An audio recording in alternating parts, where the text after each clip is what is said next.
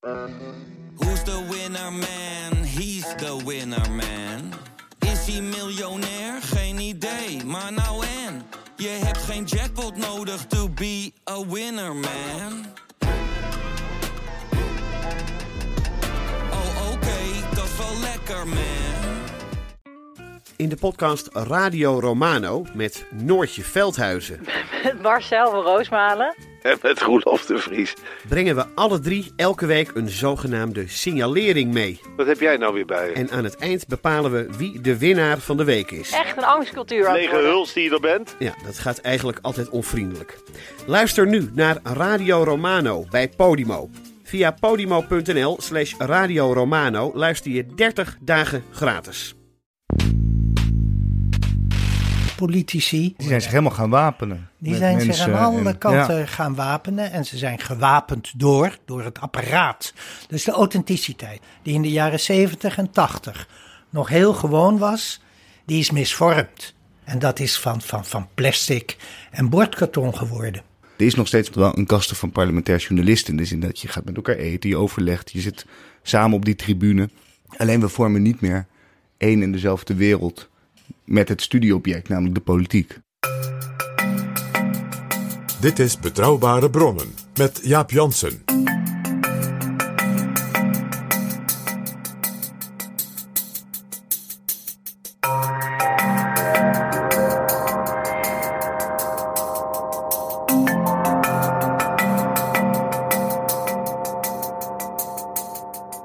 Hallo, welkom in Betrouwbare Bronnen, aflevering 367. En welkom ook PG. Dag Jaap. Binnenkort zijn er Tweede Kamerverkiezingen en die vinden plaats in een gepolariseerde, soms zelfs vijandige politieke cultuur, waarin spindokters een strakke regie handhaven en als een politicus twijfelt, tonen de media weinig begrip. Hoe komt dat? Hoe is dat ontstaan? We bespreken het met een veteraan uit de politieke journalistiek, Jan Tromp, en met een jonge Haagse journalist, Koen van de Ven. Zij constateren dat de afstand tussen politiek en pers gegroeid is. Ze vormen niet langer één familie, zoals vroeger. En ze hebben ook een interessante stelling. Ook de gebouwen waarin politiek en pers met elkaar verkeren beïnvloeden hun werkwijze. Van het oude binnenhof in de jaren 70, een heus doolhof, via de nieuwbouw in de jaren 90 naar een betonnen bunker met doodlopende gangen nu. PG, wanneer kwam jij voor het eerst op het binnenhof en wat zag je toen? Ik weet het nog precies. Eh, dat was in het begin januari 79. Het was verschrikkelijk koud. Er lag heel veel sneeuw. En tussen Den Haag station Centraal en het Binnenhof was het één grote bouwput. Want men was toen bezig met de parkeergarage eh, onder het plein. Dus mijn allereerste bezoekje aan de man die mijn baas zou worden, een Kamerlid, kwam ik dus binnen met dat ik nog halverwege mijn broek onder de modder zat. En hoe kwam je binnen? Moest je door een poortje? Nee, ik ging gewoon naar binnen eh, en dat was bij Hof Singel. Daar belde je aan en dan liep je zo naar binnen. En eh, ik werd ontvangen op de kamer van dat Kamerlid. En eh, die had een contract klaar liggen en dat hoefde ik alleen nog maar te tekenen. En toen had ik een baantje voor een anderhalve dag in de week. En ja, het is het begin van mijn ondergang geweest. Ja. Ja. Daarom zit ik nu hier. Dat was in 1979. Toen kwam ik ook voor het eerst op Binnenhof. Toen was ik 16. Ik was scholier. En in de vakanties ging ik vaak op de tribune zitten. Ik kende een jongen die een paar jaar ouder was en die daar al bij eh, een fractie werkte. En eh, die wist dat en die liet mij op een gegeven moment ook binnen. En als ik dan de volgende dag weer kwam, dan hoefde ik alleen maar een briefje wat van een soort eh, dun postpapier gemaakt was. Daar stond dan een nummer op en je naam. Hoefde ik mee te wapperen en kon gewoon doorlopen. Geen enkele controle. En een aantal jaren later, PG, 1984, 85. Toen eh, werd ik stagiair voor de VPRO en al gauw ging ik ook schrijven voor de Haagse Post. En daar eh, werd ik bij mijn eerste stukken begeleid door Jan Tromp, die daar politiek redacteur was. En die zit hier nu bij ons. Ongelooflijk. Welkom Jan Tromp. Dankjewel. En er is nog een gast, Koen van de Ven, politiek redacteur van de Groene Amsterdammer. Jan is geboren in 1949, Koen in 1992. En ze hebben samen een boek geschreven. Een boek over de politieke cultuur aan het Binnenhof. In het bijzonder de relatie tussen politiek en pers. Dat boek heet Wantrouwen in de wandelgangen. Met als ondertitel Hoe pers en politiek van elkaar vervreemd raakten. Daar gaan we over praten. Maar eerst heel kort Jan, wat was jouw beeld toen jij voor het eerst het Binnenhof opkwam en wanneer was dat? Ik denk dat dat, uh, ik weet het niet precies. Ik denk dat dat ergens in 1975 was. Ik werkte toen voor Dingen van de Dag. Dat was een roemruchte radiorubriek van de VARA. De VARA was nog een, uh, ja, misschien moet ik wel zeggen, socialistische omroep. Dus uh, op die redactie liepen overwegend, waren schatten van mensen overigens, liepen overwegend arbeideristische redacteuren rond. Die vonden dat het volle leven zich overal afspeelde, behalve in Den Haag. Dat een hoog spijkerpakgehalte waarschijnlijk? Uh, ja, en, en van die, van die uh, het zal je aanspreken, Jaap, van die geblokte truien, overhemden. Anyhow, ofschoon men een warm hart toedroeg aan ons eigen kabinet, het kabinet Den Uyl, was toch overwegend de, de gedachte, uh, daar valt het niet te halen. Maar ook uh, in Hilversum ontkwam men niet aan de waarneming, geleend van met name de Volkskrant, het Vrije Volk, dat soort bladen, dat het kabinet Den Uyl onder druk kwam te staan. Dus het was zaak dat er uh, in het vervolg een kleine delegatie naar uh, Den Haag zou gaan. Dat werden toen Paul Witman en ik. Men was, was dolblij dat er twee, twee nuffige, nerdy studenticoze jongetjes bereid waren om die saaie politiek te doen. En dat, dat deden wij dus in eigen vrijmoedigheid. En hoe was dat Binnenhof? Heel kort, want we gaan het er zo uitgebreid ja, over hebben. Dat, uh, ik ben er ongelooflijk van uh, gaan houden. Uh, op tal van manieren. Maar in het boek kwalificeren wij het, die periode en het Binnenhof, het Binnenhof 1a als epicentrum van de Nederlandse politiek, als een huiskamer. Een huiskamer. Koen, wanneer kwam jij voor het eerst op Binnenhof? Nou ja, ik denk de gemene delen hier is dat ik als ook denk ik mannetje van 15, 16 al buitengewoon geïnteresseerd was in politiek. Dat hebben we denk ik allemaal. En het moet een paar jaar later zijn geweest dat ik er voor het eerst als student naar het Binnenhof mocht om, ik geloof een D66-Kamerlid toen te interviewen. Dat vond ik fantastisch, want dan zie je, en dan hebben we het nog over gewoon het plein uh, en ook het gebouw wat mensen associëren met het Binnenhof. Maar dat ik echt een pas kreeg, wat overigens echt veel complexer was dan wat PG net schetste. Dat is pas twee jaar geleden. En dat, was, dat had heel veel voet in de aarde. Dat was alleen al, er moesten brieven getekend worden. Uh, die werden niet beantwoord. Je moest uiteindelijk. Mijn redding was dat mijn uh, voorganger in Den Haag. Uh, ik werk dus voor de Groene Amsterdammer uh, Aukje van Roesel op een gegeven moment zich zo opwond dat ze met mij in één streep naar het juiste loket in dat gebouw is gelopen. En toen was het binnen een dag geregeld. Dus, dus de Groene Amsterdammer, tegenwoordig toch het tweede weekblad van, van Nederland. Ja, het oudste. Kreeg niet meteen een kamerpasje. Tenminste, niet voor jou. Er nee, je kwam echt in een bureaucratie waarin je moest beargumenteren dat je toegang wilde tot, nou ja, toch het parlement, het Huis van Democratie. Dat was, dat was best een gedoe. En uiteindelijk, als het helemaal is geregeld, ben je gewoon binnen. Maar dat klopt. Nou, toevallig vorige week moest een, een collega het pand binnenkrijgen. Dat moet met formulieren en gedoe. Het is dus echt heel anders dan in de tijd van Jan. Het is een burcht geworden. Ja, ja. Een bewaakte uh, burcht. Precies. Uh, er werd nou toch Jan's deel van het boek en die periode, de huiskamer. Nou, op een gegeven moment wordt het een kantoor. En de periode waarin ik nu werk en ook ben begonnen, die typeren was de bunker. Het tijdelijke Tweede Kamergebouw, brutalistisch bouwwerk. Pal naast uh, Den Haag Centraal. Ja. Hier gaan we het over hebben. Maar eerst, PG, zijn er nog nieuwe vrienden van de show? En zijn er weer een heleboel. En wat zijn we ze toch weer dankbaar. Dat geldt voor jou, Daan, voor Mark, Peter, Henk, Onno en Camille. Zijn er ook nog mensen die een uh, losse donatie hebben gedaan? Zelfs die zijn er. Dus een extra woord van dank aan Willem en aan Alfons. Wil jij ons ook helpen met een donatie? Ga dan naar vriendvandeshow.nl slash bb en we zijn je eeuwig dankbaar. Zo is dat, ja. Dit is Betrouwbare Bronnen. Nogmaals welkom Jan Tromp en Koen van de Ven. We hadden het net over de gebouwen. Het hele oude Binnenhof. Koen werkt nu in het uh, hele aparte, tijdelijke Binnenhof op een hele andere plek. Wat meer op een kantoorgebouw lijkt. De politieke cultuur is in die tijd heel erg veranderd. En een stelling in jullie boek is dat dat ook komt door de architectuur.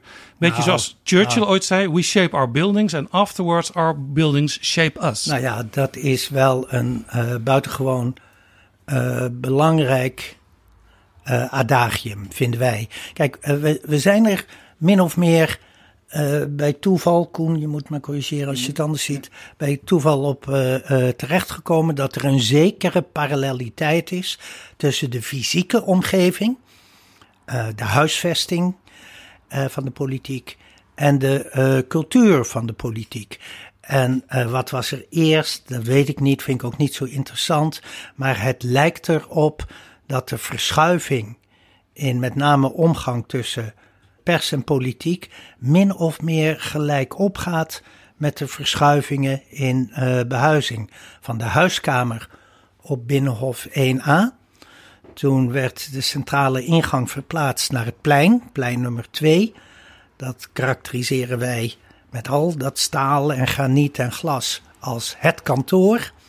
Nou ja, en, en nu is de historische blunder gemaakt om uh, in een bunker te gaan zitten. Ja, een bunker ja. met doodlopende gangen. Ja, en systeemplafonds. En dat is de, ja. de armoedige, deniswekkende situatie waarin Koen nu ja. Zijn nuttige werk En over die relatie die we zeker zien, want we hebben allemaal andere verklarende factoren voor de cultuur, maar metaforisch is heel interessant. En ik vind toch ook, uiteindelijk gaat elk land, elke cultuur, ik bedoel, dat zullen jullie ook ongetwijfeld hebben als je in het buitenland bent, is het eigenlijk altijd heel erg leuk om even langs het parlement te lopen van dat land dat is namelijk toch ook altijd een spiegel voor hoe een land en democratie zichzelf ziet. En zelfs, al is het per toeval en vanuit zuinigheid gebeurd, ja, het zegt toch wel iets dat je er toch voor kiest om ja, hele volksvertegenwoordiging voor toch eigenlijk ook een hele lange periode, wat we zeggen tijdelijk, maar goed, dat groeit en dat groeit, onder te brengen in zo'n gebouw. Zo goed ja. als het iets zei om die volksvertegenwoordiging van 1A, met de oudere kijkers onder ons zullen het zich herinneren, uh, met die uh, fameuze groene bankjes, waar ze uh, met z'n drieën bij spannende debatten op moesten zitten. Dat heette indikken. Alleen dat woord al is om te vertroetelen.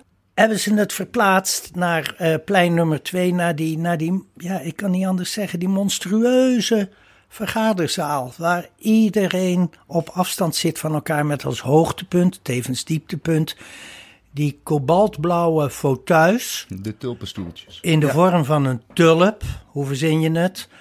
Uh, de vloerbedekking is groen, Hollands gras.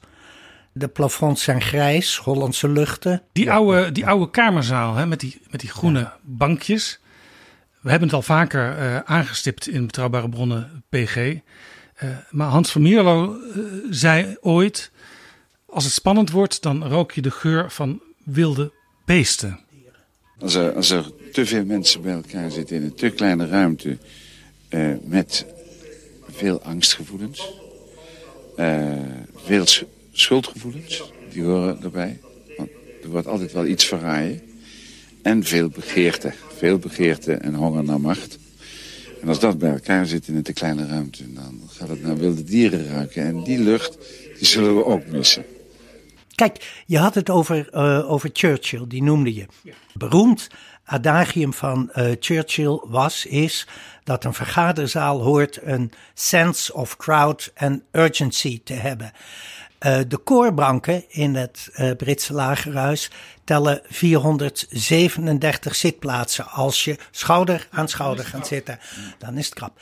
Er zijn echter 650 uh, parlementsleden. Dus we komen, hoeveel? 213 plaatsen tekort. Een echt parlement moet te klein zijn. Churchill zei, een parlement, daar hoort te heersen a sense of crowd and urgency. Wij noemen het de wet van de krapte. En die regeerde op 1a, bepaalde ook de sfeer uh, van de debatten, bepaalde ook in hoge mate de vertrouwelijkheid en het onderlinge vertrouwen. Dat eigenlijk al die tijd dat ik daar rondliep dominant was. En het omgekeerde zie je inmiddels, over de bunker heb ik het niet eens, maar ook al in het kantoor zie je een, verzakelijking, een verharding, die uh, in hoge mate, denken wij, in de hand wordt gewerkt door de fysieke omgeving. Het interessante van die krapte, die is zo letterlijk. Ik vertelde dat ik kwam voor het eerst op het Binnenhof. En ik zou dus werken voor een Kamerlid.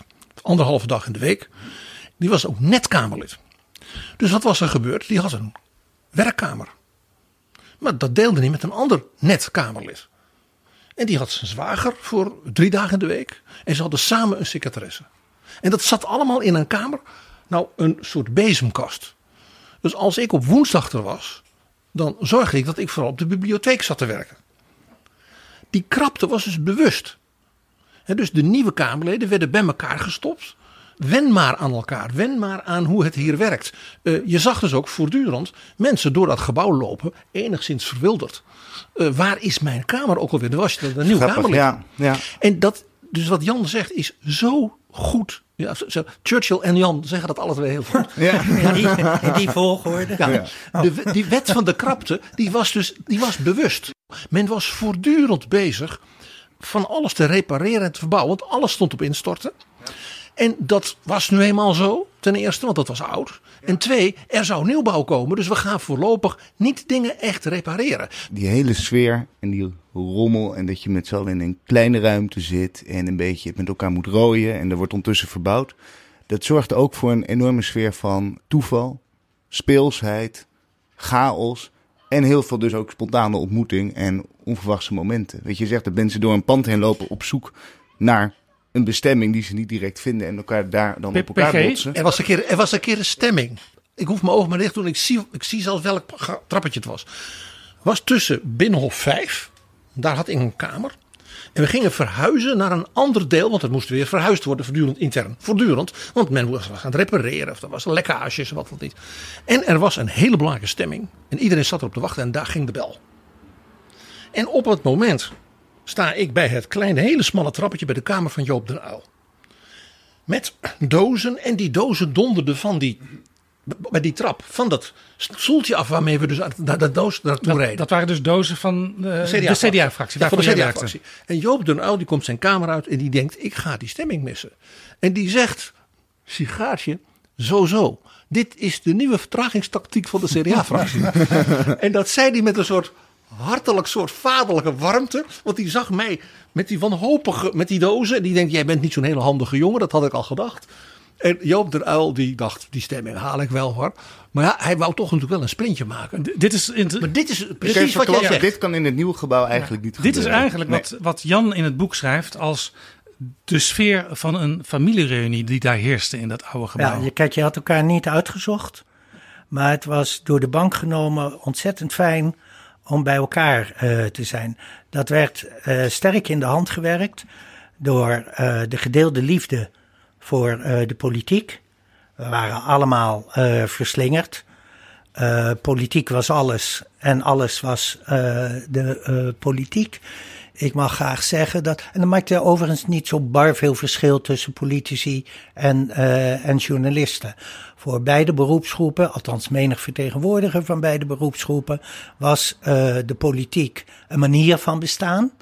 En voor de meest fanatieke onder ons was het een reden uh, van uh, bestaan, waaraan alles ondergeschikt werd. Dus, dus totaal ander beeld dan wat je, wat je nu ziet in uh, het nieuwe gebouw en helemaal in het tijdelijke gebouw. Dat soms al om vijf uur s middags de Eerste Kamerleden huiswaarts vertrekken. Ja, dat is een, een, een teken des, uh, destijds en je uh, moet ervan houden. En ik geloof dat je er bovenal moet je het uh, respecteren.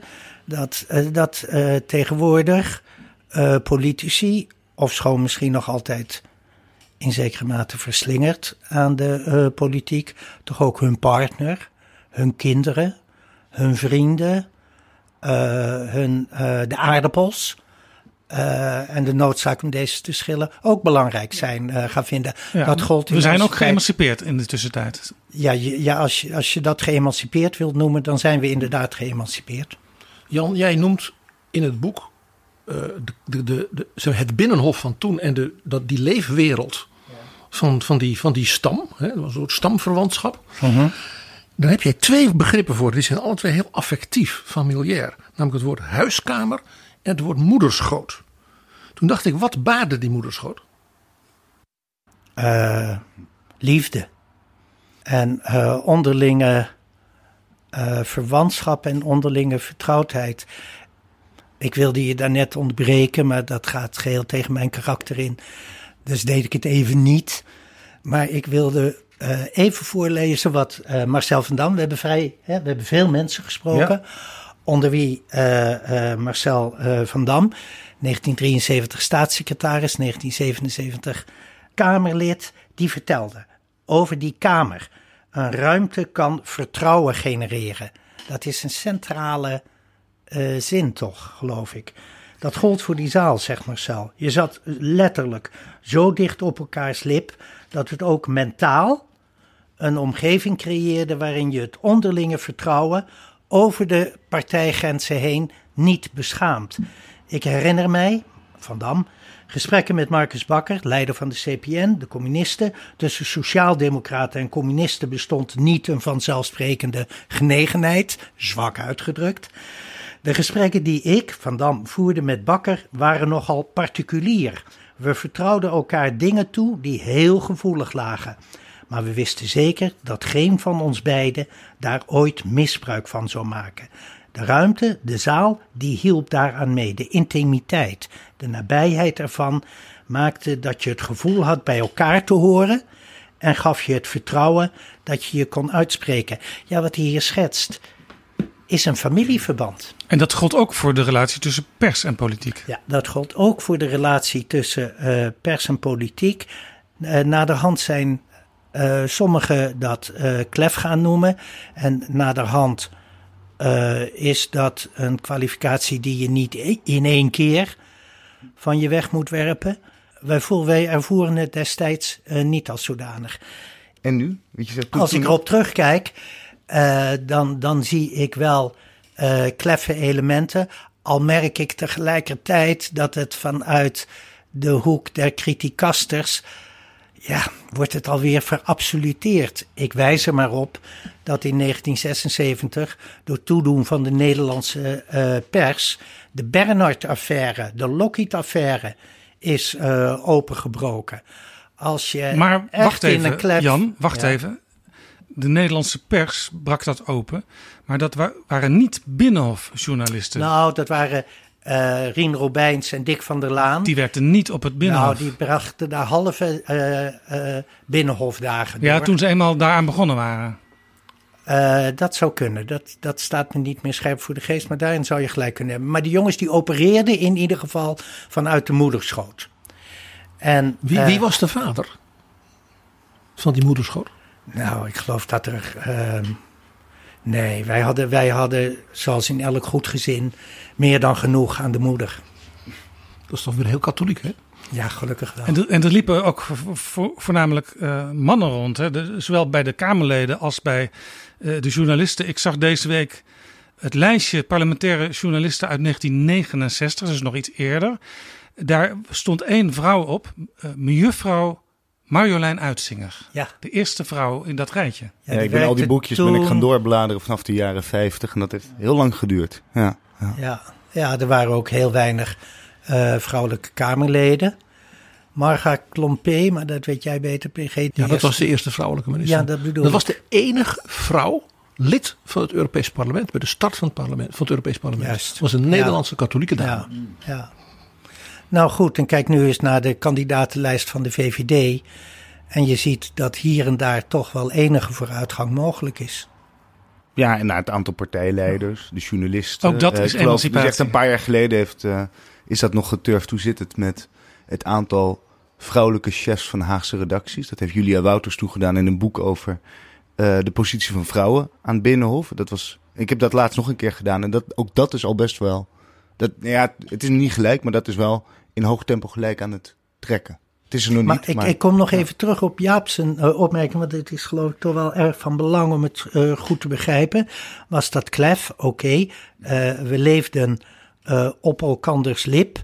We leefden daar dag en nacht. Het verhaal wil dat menig journalist, en trouwens ook wel politicus, daar zijn eerste huwelijk versleet aan het Binnenhof. En ik mag daar graag aan toevoegen. Ook, het tweede. ook wel eens een tweede.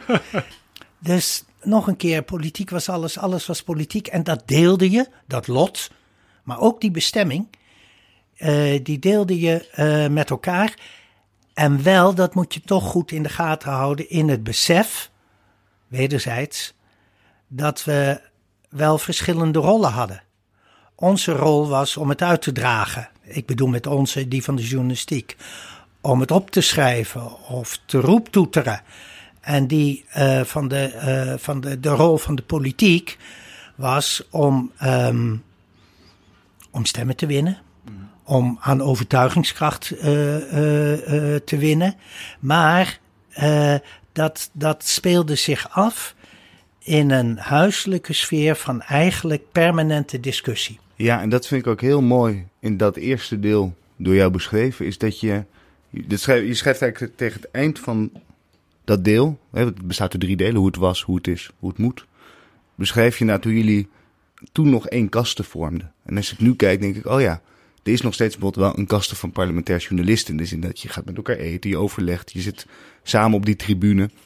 Alleen we vormen niet meer één en dezelfde wereld met het studieobject, namelijk de politiek.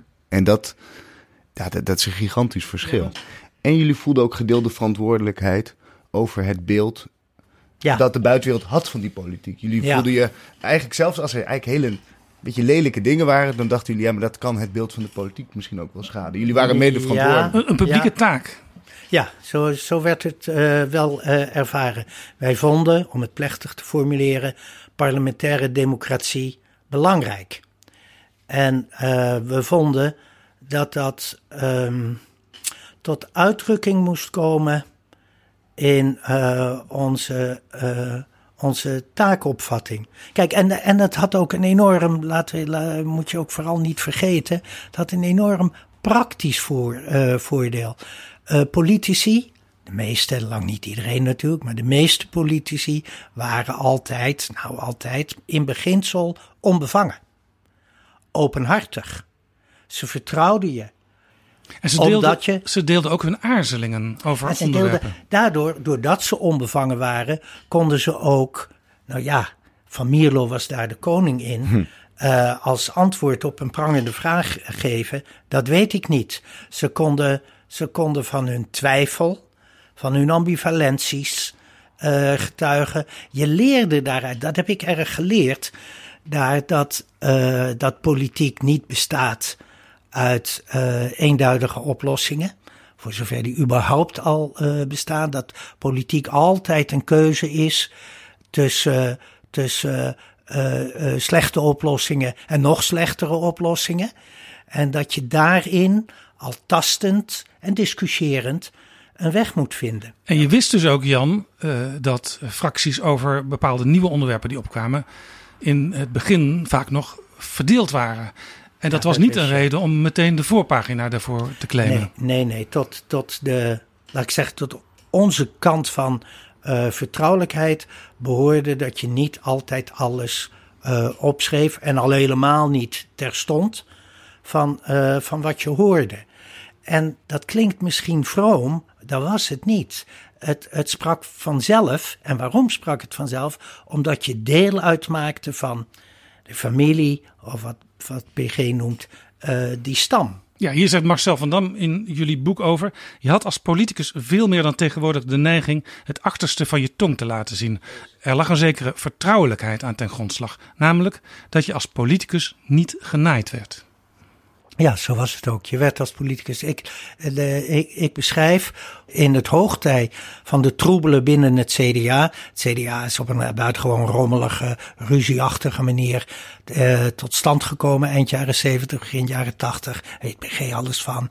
En eh, daar zaten dissidenten in die fractie. Die werden loyalisten genoemd, of ze noemden zichzelf. En die, die, die probeerden voortdurend, aanvankelijk het kabinet Van Acht, later het kabinet uh, Lubbers, uh, pootje te breken. En daarachter en daaronder zat hun onvrede met de totstandkoming van dat rechtse, dat moeten we niet vergeten, dat rechtse eh, CDA. En uh, die dissidenten die kwamen in toenemende mate onder vuur te liggen binnen de fractie. Er waren knetterende uh, uh, ruzies. topfiguren binnen dat dissidentengroepje waren Jan-Nico Scholt en Stef Dijkman. En die zijn, ik geloof in december 83, zeg ik uit mijn hoofd, zijn die uiteindelijk eruit gewerkt. Uit de fractie. In die periode, daaraan voorafgaand, december 83, kwam ik een keer Stef Dijkman op de gang tegen, uh, rood van woede. Hij was, het was sowieso een, opgewonden, emotionele schat van een man. Ja, maar Jezus, eh, Stef, wat is er nou toch? Oh, en doorlopen. En eh, ik als jong verslaggever erachteraan. Luister nou even, stop. Wat is er aan de hand? Hij draaide zich om, trok me aan mijn jasje en zei vannacht, vannacht, fascist, fascist. Oké, dat heeft niet de volgende dag de voorpagina van de krant Je schreef het niet op. Nee, dat, dat, dat hoor je niet uh, te doen. Je hoort, dat vind ik nog altijd, in het verkeer dat uh, uh, de ene vleugel, de journalistiek, aan de andere vleugel, de politiek en omgekeerd toestond. In dat verkeer moet je aanvaarden dat iemand uit de rails loopt. Koen, jij bent van een hele andere generatie. Hoe zou dat nu gaan als een Kamerlid in de gang fascist roept over de partijleider? Nou, dan, oh, dan, dan weet ik zeker dat. En er zijn ook veel meer journalisten. Dus de, de kans dat, dat jij daar niet alleen had gelopen, je allemaal nog ander is, misschien ook nog wel groot. Nee, dat had sowieso een stuk opgeleverd, denk ik. Ik denk dat. Uh, nou, en ik ben zelf. Zou ik het wel verwerken in een grotere reconstructie. Waarin ik die scène altijd zou meenemen. Dus ik zou er niet meteen. Uh, maar goed, ik, werk ik zou dat niet meteen de volgende week brengen. Maar ik zou het zeker uitwerken. Ja, en jij bent dan nog van, context van de, omgeven en dan maar wel brengen. Ik jij bent dan nog van de bedachtzame Groene Amsterdammer. Uh, maar als je voor de Telegraaf zou werken, ja, of erger nog, als je een camera bij je had.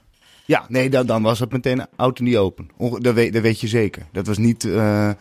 Nee, dat kan me niet voorstellen daar journalisten naar kijken. Maar kijk, ik, ik, ik had er ook niet zo bar veel aan, behalve dat het veel opschudding en opwinding uh, zou geven. Maar iedereen wist, tot en met de, de, de uh, ijverige krantenlezer, dat Van Acht en de dissidenten, dat dat water en vuur was. Dat die elkaar niet verdroegen. Nou kreeg dat een, een uitdrukking die, laten we zeggen, opvallend was. Maar voor mij was het nuttig om te weten. Hij kwam net uit de fractievergadering, Stef Dijkman, dat er daar van alles was misgegaan. Dus ik had een, ik had een ingang. Ik, ik had een, een haakje om het verder uit te zoeken. De fractieleider van het CDA in die tijd, ene Ruud Lubbers, die wist dit. Dus het kwam nogal eens voor als er een hele heftige fractievergadering was geweest, dat hij bepaalde fractiemedewerkers dan even aan het eind van de vergadering zei: Loop jij even met ze mee? Dat was een codewoord dan bijvoorbeeld een fractiemedewerker als PG Kroeger. Mhm. Die werd dan geacht met de dissidenten richting Nieuwspoort mee te wandelen. Zodat zij wist dat een fractiemedewerker die ze met het oor van de fractievoorzitter had. Toevallig ook daar in Nieuwspoort op kosten van de heer Lubbers een glaasje wijn ging drinken. In de hoop dat ze zich nog een beetje zouden inhouden. Ja, dit, dit, dit heb ik later meegemaakt, ook vanuit de CDA-fractie. 2010 eh, in de gedoogperiode met uh, Wilders. Dat met name de, de leden Koppenjan en Ferrier, die daar openbaar uh, dwars lagen, die werden altijd begeleid door één of twee fractievoorlichters, waar ze zich ook begaven in het Kamergebouw in die periode. Dat is toch verschrikkelijk. Het is verschrikkelijk toch dat je door je, door je binnen je eigen club als een soort vijfde kolonne als, als, als verraders wordt, uh, wordt aangemerkt. Dat, en dat is ook, en dit fenomeen, dit, sorry dat ik dit fenomeen, dus dat de fractie uh, uh, voorzitter zegt, goh, ik stuur mensen eigenlijk mee. We weten dat, PG vertelt het, jij slaat erop aan, ik zie je knikken. Dat zou wel een verhaal, dat zou niet, ik het ja, niet een groot standalone verhaal zijn, nee, maar dat zou wel echt onderdeel van een verhaal zijn. Ja, omdat dat, omdat dat richtinggevend meer dan indicatief zou zijn voor, voor een, een enorme verandering in, uh, in uh, politieke cultuur.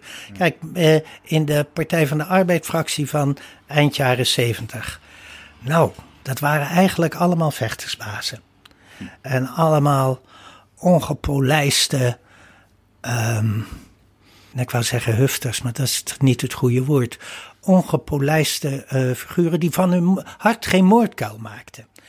Uh, niet in de fractie en niet uh, daarbuiten. Uiteindelijk moest er wel, vaak met hangen en wurgen, bij de stemming een soort eenstemmigheid uitkomen. Maar wat eraan vooraf ging, namelijk het, de interne meningsverschillen, het interne debat, de keiharde strijd daarover. Mhm. Ja, die kon je, kon je goed volgen. En, uh, die, oh ja, en ze werden daar ook niet op afgerekend.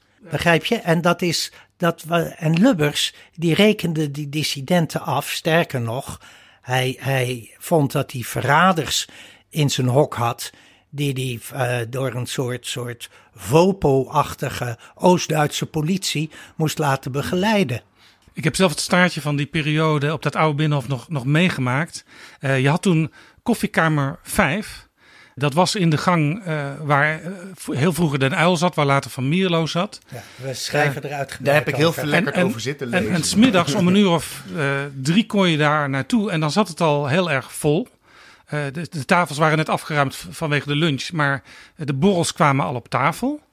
En daar kon je de Partij van de Arbeid-fractie uh, elke dag volgen. De D66-fractie zat daar. Er zaten ook losse mensen uit andere Mensen van de PPR. Fracties. Zaten ook wel christendemocraten. En daar, daar werd gewoon open gesproken over wat er in de fractie aan meningsverschillen waren. Ja, zeker. Zeker. En dat is ook waar uh, Van Dam op doelt. Met dat citaat dat je voorleest. Het was een tijd van uh, onbevangenheid. Pers en politiek deelden uh, hun werelden. En uh, dat kon ook, vanuit de politiek gezien, omdat de politici erop konden vertrouwen dat ze grosso modo niet genaaid zouden worden. En ja, zo'n zo'n zo'n sfeer van vertrouwen en vertrouwelijkheid schept ook verplichtingen. Ik geloof dat dat wel juist is om, als je erop terugkijkt, dat zo te noemen. Ik zelf ervaar dat niet als uh, klef. Heb dat ook nooit als uh, klef ervaren. Ik ben blij dat ik in die tijd niet heb opgeschreven dat Stef Dijkman van Acht een fascist vond. En uh, wat hij overigens natuurlijk helemaal niet echt vond. Maar mm. hij moest zijn ongenoegen kwijt. Maar goed, ik, ik, ik, kan me voorstellen dat dat ter discussie wordt gesteld. Maar het, het, het leverde ons enorm veel op. Dat is eigenlijk mijn centrale punt. Het leverde ons, nee, ik moet even zeggen wat, in één zin. Het leverde ons inzicht op. We wisten hoe de hazen liepen. En het leverde ook uh, de politici inzicht op. Want je, je, schrijft in het boek dat bijvoorbeeld Joop den Uil, waar je dan uh, regelmatig langs liep, of zijn deur stond open en hij vroeg: nee, stond, Kom nee, even. Zijn deur stond nooit open hoor, van Joop. Nee, maar wat, wat Joop den Uil wel deed, was uh, je aanklampen. Uh, als hij dacht dat je geïnformeerd was. Als hij dacht dat hij iets bij jou kon halen. Ja, dat jij dus nog meer wist dan, dan hij al wist, bijvoorbeeld uit zo'n koffiekamer. Ja, of uit, uit CDA-hoek. Uh, Kijk, Joop den Uyl, we hebben het, ik heb het nu specifiek over die, die korte periode voor zijn dood. Dat hij oppositieleider was. Hem was het uh, tweede kabinet den Uyl ontstolen. Hij had de verkiezingen uh, gewonnen en toen die, van die kabinetsformatie een zootje gemaakt. En daardoor was het met, met recht was het, misgelopen. Maar in de beleving van Joop den Uyl was hem dat tweede kabinet ontstolen. En hij had al zijn hoop en zinnen gezet op de loyalisten, op de CDA-dissidenten. Die moesten het kabinet van Acht Wiegel uh, de poten breken. Dus uh, hij wilde altijd van iedereen die maar een beetje rondzwierf in die kringen, wilde hij weten hoe het zag. En dan zei hij, dat heb ik, zal, zal ik niet snel vergeten, want het was zo'n, het was, het was bijna een gedicht. Uh, wat doet Hans de Boer? riep hij dan. Hans de Boer was een van die leidende loyalisten. Hans de Boer was de, de voorman van het ARP's, het antirevolutionaire smaldeel binnen het CDA. En daarvan de leider, ook partijvoorzitter geweest van uh, ARP. En dan, uh, dan was je amper binnen, had je je mee naar binnen geloosd in zijn kamer. Wat doet Hans de Boer? Heerlijk. Ja, in 1994 was het al anders. Toen zaten ze al in die nieuwbouw. Je citeert uit je dagboek. Jacques Wallage, Partij van de Arbeid, fractievoorzitter. En uh, vaak een bron voor allerlei dingen die achter de schermen gebeurden. Wallage zei tegen jou: Doe voorzichtig, schrijf afstandelijk. Wim, Wim Kok, is zeer wantrouwend. Wat is je vraag, Jaap? Dat de politici blijkbaar ook zagen: er verandert iets. En misschien was niet elke journalist meer zo verstandig om dingen niet altijd meteen te publiceren. Ja, dat zou kunnen. Of het was misschien gewoon dat Wim Kok Wim Kok diep was zeer argwanende man En, en- daarin anders dan bijvoorbeeld Den Uyl gewoon Ja, en, en anders dan, dan, eh dan Wallage, die eh, opgegroeid was in, nou ja, wat ik dan maar aanduid als die sfeer, dat klimaat van eh, vertrouwelijkheid. Ja, eh, eh, eh, Wim Kok was, eh, hoe verdienstelijk ook, hij was echt opgetrokken uit achterdocht. Dat was hij al bij de vakbeweging, dat was hij a fortiori in de, in de politiek. Het was meer dan een karaktertrek. En misschien toch ook niet helemaal ten onrechte, toch? Als je kijkt naar, en met iedereen met wie wij spraken, dat is ook de periode dat ook de journalistiek, zou ik zeggen, paarser wordt. En daarmee Ja. bedoel ik zakelijker en afstandelijker en minder openlijk geëngageerd wordt. En eh, nou ja, we we zijn op bezoek Zeker. geweest bij eh Siebrand van Haarsma Buma, die vat het heel mooi samen, vond ik. Die zei, kijk, vroeger wist ik tenminste waar iedereen, en dan bedoelt die journalisten, waar al die journalisten voor waren. Nu weet ik eigenlijk alleen nog maar waar ze tegen waren. En het mooie inzicht daaraan vond ik dat ik dacht, oh ja, wat grappig. Zij zijn natuurlijk ook gewoon bang. Hij wist dus, hij, die- hij werden bedoelde, onvoorspelbaar. als ik Ja. hem goed begrijp, Simon Buma, je wist niet meer uit welke hoek de aanval kon komen. Nee, dus als je weet, Nou ja, dat is iemand met niet eens zozeer de aanval, wat- maar ja? hij... eh, Je kent iemands ideologische ankers niet. Als jij van een journalist weet van, goh, die heeft, weet je, die, hij, hij is misschien wel eerlijk of niet. Nou goed, dat is sowieso goed om te weten. Maar het is iemand die een beetje in onze sfeer zit. Ja, Jan, jij kwam uit, onze hoek. zoals jij het noemde in het begin van dit gesprek, eh, de socialistische hoek. Tenminste, namens de VARA kwam je op het Binnenhof aanvankelijk. Dus had jij een stempel. Oh, ik had absoluut een. Wat, wat, was een, wat was was een daar, wat, wat was dan zeg maar eh, in, in de visie van Buma het voordeel daarvan, dat men dat wist? eh, dat je berekenbaar was. En of dat nou van eh, ter linkerzijde of ter rechterzijde was, dat maakte hem niet zoveel uit. Hij kon het gesprek dat zich zou ontvouwen, kon hij lezen, kon hij volgen. Nu niet meer. En ja, behalve dan dat hij wist, ze zijn erop uit om te scoren. Dan heeft hij het dus over de journalistiek in deze eeuw. Eh, De journalistiek eigenlijk van de laatste tien jaar. Om te scoren. En dat kunnen ze alleen bereiken, vonden wij, Koen en ik, een buitengewoon scherpe waarneming die veel herkenning opleverde. Nou, Ze, eh, alleen door mij te verneuken kunnen ze scoren. Nou, wat ik er ook boeiend aan vind, wat het los van dat je weet uit welke hoek iemand komt, dus een bepaalde mate van eh, voorspelbaarheid, is het ook een soort mentale kwestie. Op het moment dat je openlijk geëngageerd bent met gewoon iets, en wat dat ook was in die tijd, of dat sociaaldemocraten was, of christendemocraten, of met liberalen, dat betekent automatisch ook verbondenheid. Dus er staat voor jou ook iets op het spel. Ik weet dat ik, toen ik journalistiek studeerde met wat vrienden, dat wij het eigenlijk over hadden, eh, een goede journalist moet ongrijpbaar zijn. In jouw visie is het zelfs een pre. Ja, je moet ongrijpbaar zijn op een bepaalde manier. En dat is, nou ja, en dat maakt het voor een politicus, maakt een journalist tegenover zich een veel bedreigender wezen. Ehm, Maar dat maakt ja. dus ook dat politici wat banger zijn geworden als ze een journalist om de hoek zien komen. Ja, zeker. Dat viel mij op toen ik, eh, nou ja, voor mij is dat dus veel recenter dan voor alle anderen hier aan tafel. Wat mij echt opviel was dat ik, eh, ik, ik probeer altijd heel eerlijk en heel beleefd te werk te gaan. Ik, ik, ik werk met open vizier. Maar wat mij inderdaad wel opviel toen ik daar net ging werken, bijvoorbeeld of het ergens het Kamergebouw was of op een partijcongres, dat je soms Kamerleden heel onbevangen met elkaar ziet praten. Dan ga je erbij staan, ik kom even wat vragen, en je ziet de kramp soms in de nek trekken.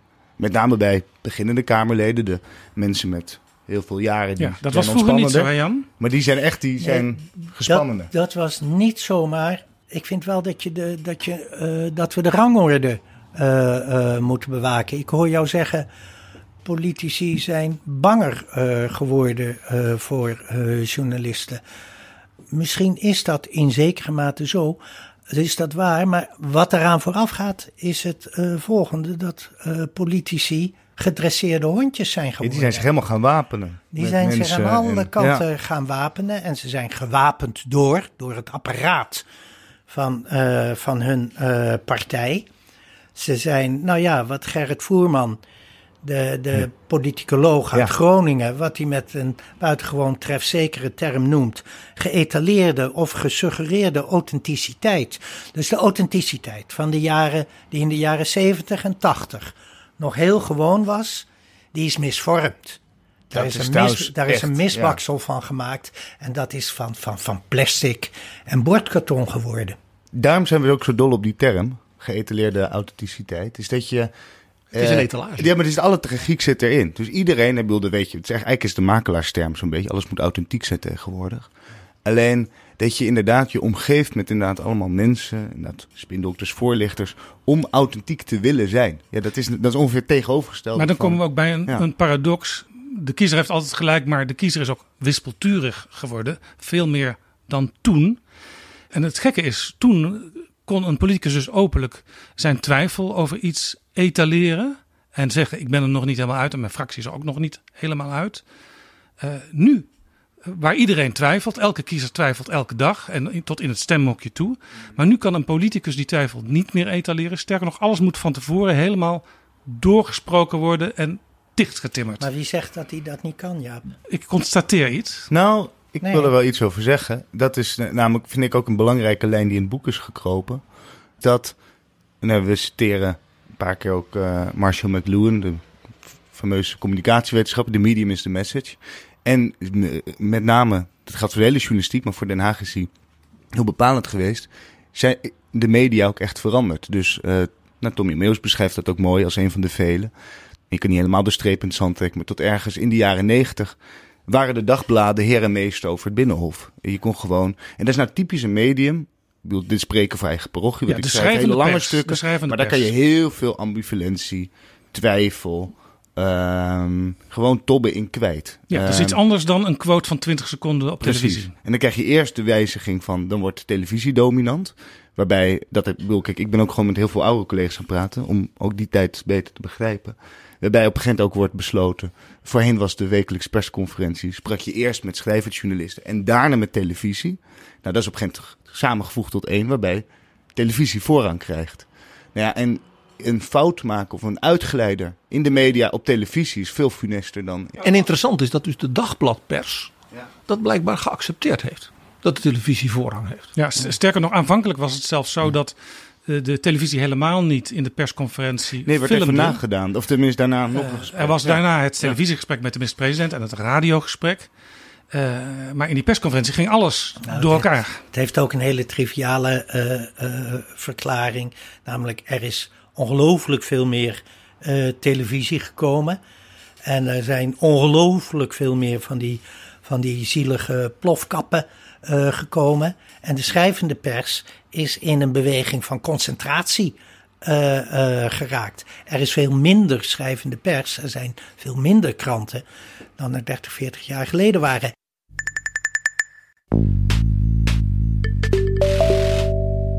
Dit is Betrouwbare Bronnen een podcast met betrouwbare bronnen.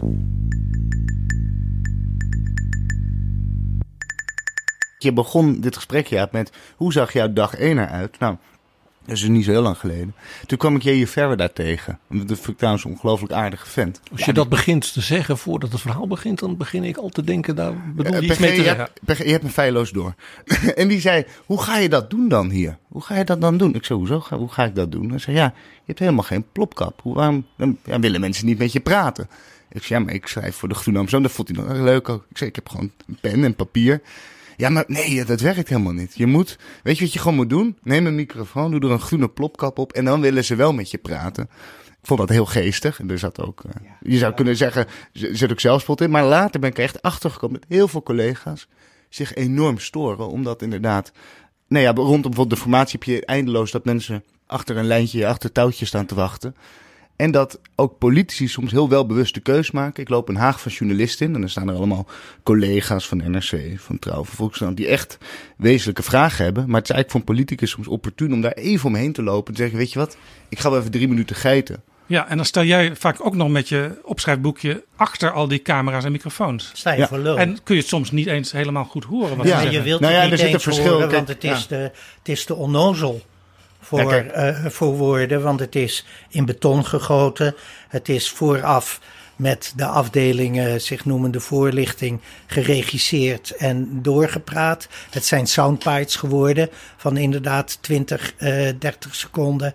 Louter en alleen bedoeld voor de brigade van de plofkappen. Ja, en dan zijn we... Tel eh, uit je winst. Ja, en dan heb je nog massa als, als, als daar collega's van Nieuwsuur staan of van een vandaag die een zinvolle vraag stellen. Alleen, er zijn ook andere plopkappen. Ja. ja. de tijden veranderen. We hadden het net over het oude Binnenhof. Het kruipt door, door Binnenhof. Eh, in 1992 gebeurden er twee dingen. Koen van de Ven werd geboren. en de Tweede Kamer nam de nieuwbouw in gebruik. In die volgorde. Jullie noemen, het, bedoel je? jullie noemen het de koele, of zelfs de kille periode brak aan. Er kwamen roltrappen. Ah ja. Nou ja, dit, dat, dat gebruiken we als, als metafoor om die sfeer van eh, verduidelijking enigszins eh, beeldend eh, te maken. Een huiskamer heeft geen roltrappen. Nee.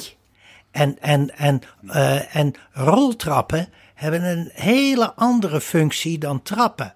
Op trappen kom je elkaar tegen. Op roltrappen, die je overigens overwegend aantreft in de H&M en de Perisport, op roltrappen passeer je elkaar. Voilà. Dat is wat is gaan gebeuren daar. Laten we even luisteren naar de architect. Hoe hij daar in Piet de Bruin. 1992 over sprak. De gesloten, naar binnen gekeerde eh, karakter van dat binnenhof... heb ik natuurlijk om willen zetten in een open, extrovert eh, parlementsgebouw. Soms, dat heb je wel eens als je in een oud huis woont... met eh, rare doorgangetjes en eh, moeilijke kruipdooroplossingjes... en je verhuist naar een comfortabel modern appartement... dan denk je, hoe heb ik het 50 jaar of 30 jaar kunnen uithouden... in dat hopeloze optrekje waar ik uit... Terwijl, als je daar dan zat, je daar zo aan verknocht was... dat je dacht, dan ga ik nooit weg. Dit was Pieter Bruin bij de opening van het nieuwe gebouw. Het woord natuurlijk was volgens mij het, het woord in dit hele Ja, verhaal. daar sloeg ik ook op aan. Omdat ik vind, Wat we zei die gebruiken die, natuurlijk? Is- natuurlijk. we gebruiken hem die gebouwen Ja, metaforisch. natuurlijk en daar, Natuurlijk dat hij een open dit Oh, en dit in plaats Ja, van ja. zo'n Precies. dun. En dat wilde ik net zeggen, dat als je juist iets wat wij zijn gaan doen, die gebouwen metaforisch gebruikt voor de tijd waarvoor ze staan. In die zin heeft hij natuurlijk het wel gewoon heel goed gedaan. Dat was ook de dominante overtuiging die toen opkwam. Pieter Bruin wilde de zelfs de het moet wandelgang open, het moet transparant. opengooien. Inderdaad, de wandelgang moet Eh, zichtbaar er zijn. kwam gewoon Ja. glaswerk voor de gang achter de plenaire zaal, zodat de burgerij die in Den Er Haag moest, er moest een verbinding zijn tussen politiek en burgerij. Ja, dat zijn mijn Ja, mensen, die moest- zijn van mij aan het werk daar. Ja, en de tragiek was geloof ik dat toen ze die wandelgang echt van glas maakten, toen liep er dus niemand meer te wandelen. Dus dat is ook de, ja, ja, het- Nee, daar heeft eh, Ruud Lubbers ook magistrale dingen over gezegd. En Hij schreef een opstel in 1991 voor de parlementaire persvereniging. Dus dat was nog voordat dat gebouw in dienst werd genomen. Ja, maar de plannen die eh, lagen er kant en klaar.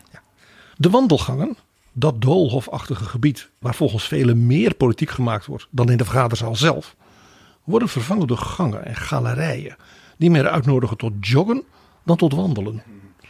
En achter de groene gordijnen valt dan niets meer ongemerkt te regelen.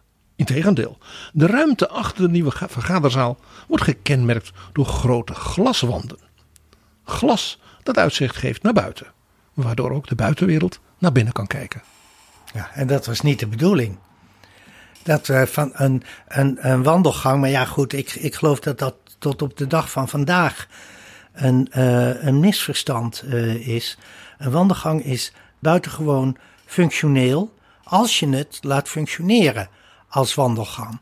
Dus eh, met permissie, al dat gelul over transparantie en openheid verdraagt zich heel slecht met politici die moeten aftasten, die met elkaar moeten eh, onderhandelen, eh, die moeten zien of men elkaar nadert of men verder van elkaar verwijderd raakt. Dat is uit zijn eigen aard geen openbaar proces en hoort het ook niet te zijn. En Lubbers was natuurlijk ook bij uitstek degene die dat kon weten, want hij, was een regelaar en een ritselaar. Ja, ja, to say the least. Hij, hij, hij, hij deed niet anders. Hij deed niet anders. Hij, En er was een het kamerlid- adagium van Lubbers was, mag ik even bij je aanschuiven? En dan zocht Zal hij ik even meedenken? Zal ik even meedenken? En dan besprong hij zijn prooi. En dat gebeurde natuurlijk altijd in een informele eh, setting. Daar stond nooit een open microfoon bij. En nog een keer, dat hoort ook niet.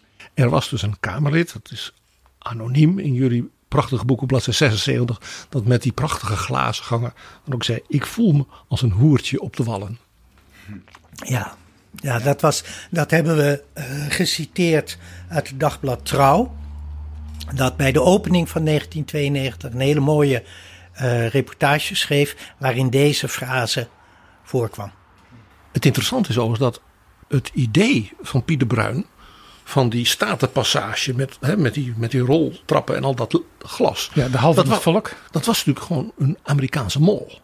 Dat was gebaseerd op het verkeer, het in- en uitlopen in een groot Amerikaans winkelcentrum. Een doorgaande route. Waar het buiten dus of heel heet of in Minnesota heel koud was. En waar je dus met airco was daar een soort zogenaamd natuurlijke kijk, omgeving had. Uh, ik vind eerlijk gezegd dat Pieter Bruin geen enkele uh, blaam treft. Ik, ik vind dat hij een gebouw heeft uh, gemaakt, en met name een vergaderzaal, die afbreuk doet aan het politieke debat. Maar godsallemachtig, wat was die man slecht geïnstrueerd, wat lacher en wazig, eigenlijk geen plan. En Pieter Bruin, die, die, die voer op eigen kompas. En dit was een kind van zijn tijd. En nou ja, die leende de begrippen die toen ja. uh, en vogue waren: openheid, transparantie, ontmoeting, etc. Er was een bouwbegeleidingscommissie. Kamerleden zaten daarin, die dus Pieter Bruin uh, begeleiden en met hem brainstormden. En een van de leden daarvan was Annemarie Jorritsma. En uh, die verheugde zich op de dag van de sluiting van de oude zaal op de nieuwe zaal en het nieuwe gebouw. Ik ben blij dat we de oude troep verlaten, om het zo maar te zeggen. Geen gevoel van weemoed, droefenis? Ach, je kijkt natuurlijk wel van, uh, goed, hier komen we nooit weer. Maar ik moet zeggen, ik ken de nieuwe zaal goed. En ik denk dat we daar met veel en veel meer plezier zullen vergaderen. Nou, een van de meest opvallende dingen die natuurlijk gebeurde zodra dat gebouw ja, in gebruik was genomen, was dat er een Kamervoorzitter was, ene Wim Deetman dat Kamerlid dat op die hele koude januari in 79 mij dat contract voorlegde, grappig genoeg. Die ongeveer onmiddellijk zei, ja die statenhal, die gaat dicht. Ja. Het is niet de bedoeling dat er een soort winkelend publiek doorheen loopt. Want dat is volstrekt niet te beveiligen. Ik heb zelf de indruk, ik weet niet of jullie dat, dat hij gewoon met collega's als zeg maar de, de speaker of the house en de, zijn collega in, in, in Berlijn en zo gewoon gesproken heeft. Die hebben gezegd van ja, dat kan helemaal niet. Ja, dat is ook heel traag. Dat je net op het moment dat je alles open doet en open gooit, gedwongen weer de boel weer gaat afzonderen en sluiten en, en omheen met poortjes. Op de laatste dag eh, van het oude Kamergebouw was er vooral veel weemoed. We horen zo Lubbers en we horen Wim Kok, premier en vicepremier toen, achter de regeringstafel. Uh, ze worden geïnterviewd door Wouter van Schermburg. Lubbers voelt nattigheid. Ja. Maar Wim Kok, Wim Kok is gerustgesteld. Niet alleen de Kamer, maar ook het kabinet nam afscheid. Wouter van Scherrenburg belde de stemming voor en achter de regeringstafel. Wat zegt u, wat voor? Gevolg heeft dat? mee, bij voorbaat. Want ik ben erg gehecht aan het debat hier. Ik ben hier als jong minister gekomen, nu uh, 19 jaar geleden. En daar ga je gedachten natuurlijk naar uit. We hebben heel wat leuke debatten gehad. Ik heb een aantal jaren ginds gezeten in de bankjes. Het waren misschien nog wel de boeiendste jaren hier. Ja, dat is toch, uh, toch een, uh, een, afscheid wat me een beetje emotioneert. Uh, tegelijkertijd weet ik dat die nieuwe zaal en het nieuwe gebouw, dat is ook allemaal geweldig. Het schijnt ook heel intiem te zijn. dus niet zo grootschalig als het op afstand lijkt. Maar ja, ik ga hier toch, ik ben natuurlijk nog niet zo lang in de politiek, dat weet u. Ik ben in 86 in de Kamer gekomen. 3,5 jaar Kamerlid geweest. Toen het kabinet ga je toch met een zekere weemoed vandaan. Wim Kok was gerustgesteld. Want die nieuwe zaal die zou uh, erg intiem zijn. Ja, dat, dat was dus het, uh, het uh, tegendeel. alle betrokken partijen zijn verwijderd geraakt van elkaar. Zijn niet meer betrokken. Alleen al de, de, de opstelling van de interruptiemicrofoons in de oude zaal die krappe zaal aan Binnenhof uh, eh, 1A, stonden die interruptiemicrofoons tegenover elkaar. Zeg maar even grofweg, oppositie, versus uh, coalitie. Naar het idee van het Britse lagerhuis. Naar het idee, ja. ja. Dus, uh, dus het bekvechten kon uh, vis-à-vis. En kon rechtstreeks. Het was een verbaal duel. Daar. Voilà. En nu staan ze, ja, dat is een grenzeloos misverstand naar mijn smaak, staan ze naast elkaar. Het is door Hans van Mierlo als beste gedisqualificeerd. Namelijk, hij zei: Ik voel me daar staan als in een pissoir. Maar het was ook de tijd. Uh, Wim Kok werd een paar jaar later werd hij gehuldigd vanwege het Dutch poldermodel. En er werd toen gezegd: we nemen een parlementair halfrond. Ja. Want je moet het samen doen. En je bent samen op harmonie in gesprek gericht. met de ministers. Ja, het haalt inderdaad het duel, het gevecht. Het gebruikt niet voor niks woord duel helemaal daaruit. En dat is, nou ja, dat is ook iets wat natuurlijk heel erg in dit boek zit. Van politiek is ook theater. En er wordt heel vaak op neergekeken op die uitspraak. Alleen uh, goed gespeeld. Dit goed is gespeeld. ja, heel die PG. Het is door die PG zo bewonderde Wim Deetman nog verheerlijkt. Hè? Die heeft gezegd: ja, wij zijn op consensus gericht. En we zijn op harmonie gericht. Ja. Hij zei nog net niet: we zijn erop gericht om elk debat dood te maken. Nederland is één groot CDA. Nou, het interessante is van dus die verandering van de oude zaal naar de nieuwe zaal. Is dat dus het echt een, zeg maar, heel principieel architectonisch verschil is. De oude zaal was gebaseerd in zekere zin op zeg maar, een beetje dat Engelse model. Wat was dat Engelse model? Dat was uit de middeleeuwen dat van het toernooiveld. met banken aan twee kanten en in het midden werd gestreden. De nieuwe zaal is natuurlijk een Grieks theater. Dat is dus om voor vertoon. Dus is het ook zo gezegd, heeft men dus is men aanpassingen gepleegd, zodat de camera's, dus het theateraspect, meer, ja, als het ware tot zijn geld in kan. kan. Men is dus van dus het toernooiveld van de middeleeuwen, dus het strijdperk, letterlijk, daar komt het woord strijdperk vandaan, gegaan naar het theatron. Ja, dit is trouwens even gewoon een heel, klein, heel klein uitstapje naar het huidige gebouwde bunker. Er is eindeloos gezocht naar de verhuizing om, om het goed te doen met de belichting. Wat voorrang heeft gekregen is het idee van de plenaire zaal als televisiestudio. Dus het moet het goed doen op beeld. Maar de fotografen worden er helemaal gek van, want die maken nu foto's waarbij dat licht niet helemaal lekker voor hen werkt. Waardoor iedereen er ook nodeloos, grauw, moe, ziekig uitziet. Uh, dus hier zie je opnieuw een slag gewonnen van de, uh, hoe noem je het, de televisiepers op de printpers. Ja. Dus, dus de visuele burn-out van Kamerleden is als het ware ook een gevolg van die nieuwe aankleding. Ja, ja, ja. ja.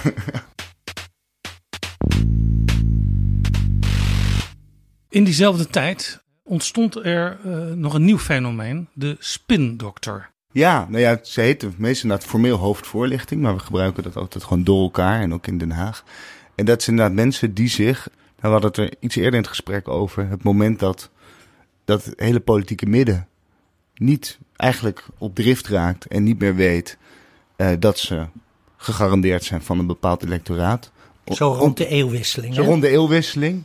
Nee, ja, je krijgt, je krijgt in die tijd heel veel politie die begint te klagen over. Die pers die begint ons ook te verlaten.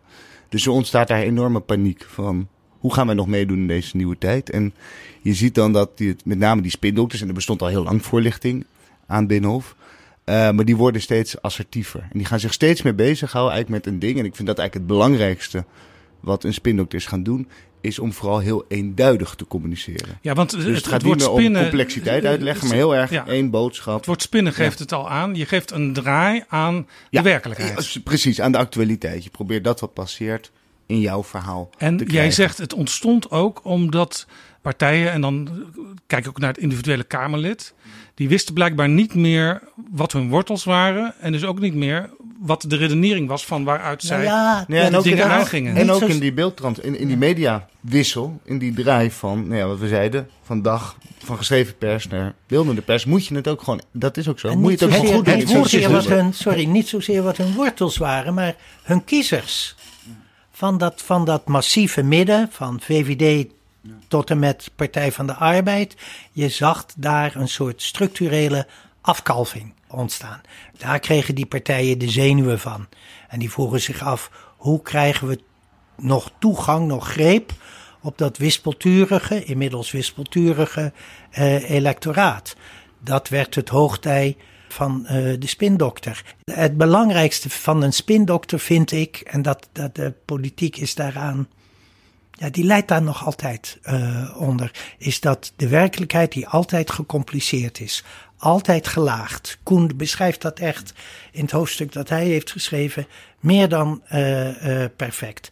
De gelaagdheid wat Koen ook noemt speelsheid, een term geleend van Huizinga. Dat is allemaal gereduceerd tot een hapklare brok, tot, tot, tot iets monolithisch, tot een enkelvoudige waarheid en werkelijkheid. Dat is zo ongelooflijk zonde. En dan is het ook niet, dan is het ook niet verbazingwekkend meer dat, dat, dat mensen die, die kunnen nadenken, ja, denken, ja, met deze voorstelling van zaken dankjewel, daar ga ik niet in mee. Dus je bereikt zelfs het tegenovergestelde ja, door al die spindoctrine. Het is weerzinwekkend natuurlijk. Ik heb dat niet bewust zelf meegemaakt, maar ik lees natuurlijk ook al die oude speeches terug. Uh, we zitten hier in een kamer van Jaap, vol boeken en bundels. Um, en oude mannen. En ik vraag me inderdaad wel eens af van, goh, is net zo'n verhaal van familieloof, van den L of Lubbers pakt, waarin ze gewoon heel vaak zijwegen inslaan, paden inwandelen waarvan je echt niet weet of ze, of, of ze terugkomen of er überhaupt uitkomen ik ben me dan toenemende mate gaan afvragen, zou je daar nog mee wegkomen in deze tijd? Het is zo makkelijk om dat, daar delen van te isoleren. Ik zag het zelfs een beetje, om even een actueel voorbeeld te geven, gebeuren met de toespraak van Omtzigt van de week. De, de Binnenhoflezing. Ik vond het echt, uh, ik vond echt een, ik vond het een fascinerend en interessant verhaal. Waarin die begint even met definiëren wat is een democratie, wat is een dictatuur. Ik ga dat niet helemaal nu dat verhaal na vertellen, maar wat ik eigenlijk wil zeggen is, en volgens bouwt hij dat helemaal uit. En dat is echt een interessante lezing. Alleen de zin die we overal zien verschijnen is: Nederland wordt een totalitaire staat. Punt. Ja, en dan wordt het dus wel heel moeilijk om grote verhalen te houden. Ja, als dat, en een als ander, dat versmalling en wordt een ander een nieuwsbericht verhaal, wat ja. hieruit voortkwam, eigenlijk het enige echte nieuwsbericht. Ik wil niet per definitie meedoen aan een debat met meer dan drie deelnemers. Eh, nou, en eigenlijk precies wat daar gebeurt, onderschrijft het probleem. Die lezing was echt, echt interessant. Alleen daar hebben we het niet over. Het interessante is dus ook dat blijkt ook uit jullie boek. Dat bij deze manier van kijken ook naar de verhouding tussen parlement, pers en zeg maar, het politieke bedrijf en de verslaggeving daarvan. Dus een heel ander woord ineens is gaan domineren. Dat ook in die moederschoot nooit voorkwam. Namelijk het woord beeldvorming. Ja. Dat beeld, het gaat dus om beeld en dat Ja. moet worden gevormd. Precies. Ik, zeg- dan, ik val een beetje Marshall aan. en McLuhan, Het belangrijkste inderdaad is om dan heel erg eenduidig te zijn. Er mag geen dissonant zijn. Je kan niet iets zeggen wat inconsistent is. Inconsistentie is dodelijk. Dan ga je meteen af. En daar is ook een hele rare paradox. in. Als je, tegen, als je we aan de ene kant zeggen we willen hele authentieke mensen. Nou, dat willen we kennelijk. Dat wil iedereen. Maar het is ook heel authentiek om te twijfelen, om een keer iets te zeggen wat lijnrecht ingaat tegen iets wat je eerder zei. Alleen we zitten nu in een tijd waarin dat heel ingewikkeld is. Als je een keer... Waarin dat niet wordt toegestaan. Precies. Het wordt door de partijleiding niet toegestaan. Het wordt door de, door de spindokters, die een veel machtiger positie hebben binnen partijen dan de buitenwacht weet. En zich eh, ervan bewust is. Door de spindokters wordt het niet toegestaan. En het grappige is dat de, de, de, de mensen die erin gezeten hebben en die er nu buiten staan, die zien het. En die zeggen het. Diederik Samson, Hè, die was toch een enorme partijtijger in die, eh, in die Tweede Kamer en in het eh, Tweede Kabinet eh, Rutte. Die vergelijkt nu de Haagse politiek met een jungle. En die zegt alle dieren die daarin rondgaan, die zijn super afgetraind. Afgetraind. En dat was hij natuurlijk, was hij natuurlijk, na- natuurlijk zelf ook. Maar nu kan hij er als buitenstaander op reflecteren. We spraken, nog één zin Jaap, als je het goed vindt. We spraken van Haarsma Buma in zijn burgemeesterskamer in Leeuwarden. Helemaal voor hem gemaakt hoor. Hij was enorm op zijn plek. Hij was buitengewoon op zijn plek. Schat van de man. En die was. En als hij, als hij het dan heeft over die kamertijd. dan straalt hij alleen maar opluchting, bevrijding uit. En hij heeft een boek Zelfs, geschreven. zelfs fysiek beschrijven Ja, jullie hij, dat hij ontspant helemaal. Hij voelde de En kramp hij heeft zijn een boek trekken. geschreven Ja. onder de titel Tegen het cynisme. Het cynisme dat regeert Den Haag. En ze zijn met z'n allen niet bij machten om er een deuk in te slaan. Toen Sibrand Buma nog boven zat in het oude justitiegebouw, deel van het Kamercomplex, Onder die mooie houten lambriseringen van de fractievoorzitterskamer van het CDA. Toen uh, liep ik een paar etages beneden daar rond. En ik zag bij GroenLinks iemand achter een beeldscherm zitten. En ik maakte kennis en ik vroeg: wat is eigenlijk jouw functie? En die jongen die zei: Ik ben de beeldvoerder. We hebben woordvoerders ja. en ik ben de beeldvoerder. Ja. Hij moest dus de filmpjes in elkaar zetten. Ja, ja, ja. Nee, dat is echt, ja, nee, dat is inderdaad echt, dat is een, dat is een nieuwe functie. En, en, en, niet, en niet onbelangrijk. Maar je ziet dus ook dat Kamerdebatten, we beschrijven het ook, dat Kamerdebatten worden in toenemende mate gereduceerd tot hermetisch gesloten eh, monologen. En wat voor functie eh, verdienen of krijgen die monologen? Daaruit wordt een uitsnede gemaakt voor de eigen site, voor de eigen achterban, voor de eigen eh, eh, wereld. Dus dat ontmoetingselement, wat Van Dam beschrijft op een bijna tedere manier tussen hem en zijn, en zijn, zijn antipode eigenlijk, eh, Marcus Bakker van de, de communisten, die wereld die is, die hebben ze totaal naar, naar de verdommenis Ja, geholpen. en de grap is, als hij wel nog bestaat, dan eh, wordt hij niet meer uitgedragen of geëtaleerd. Dus Nee, dan, dan, dan dat is iets waar je niet meer, wat je juist niet meer toont. En dat is omdat dat werkt, dat werkt verwarring op bij je achterban. Wat jij net zei, Jan, over Marcus Bakker, dat schoot ineens door mijn hoofd. Iets wat ons, wij ons nu niet meer konden indenken. Marcus Bakker had een soort eh ja, tingeltangel rondreistheater hè? door het land. Met een Kamerlid, met wie hij dan in debat ging. En die sloeg elkaar de hersens in. Beleefd, maar heel, heel hard. En dat was ontzettend leuk. En dat was de freule van de CHU. Ja. En omdat hij geen rijbewijs had. Witte Waal van Stoetwegen. En hij bracht haar dus altijd thuis. Want hij zei, zo'n dame moet je er niet s'avonds laat op de tramhalte bij het station hebben staan. Moet er niet aan denken. Dat is iets, probeer je in te denken, dus Ja. dat de, de leider van Ja, de communisten, met dus een Ja. adellijke dame, Ja, uit de wat chicere, hervormde, be- behoudend hervormde politiek, Zeker. met elkaar optraden. Dan elkaar de hersens insloegen. Ja. Jij communist, jij dit. En dit en dat. En dat ze zo, er zoveel warmte tussen die mensen was in de menselijke sfeer. Dat hij zei, natuurlijk breng je zo'n dame wel naar huis. Is dat niet vreselijk klef? Klef hè? Klef. Nee, maar ga er eens op in. Waarom is dat niet klef? Omdat dat laat zien dat ze bij de grote verschillen iets deelden. Ja, maar, maar die verschillen, die, die, die acteerden ze dus. Die speelden ze.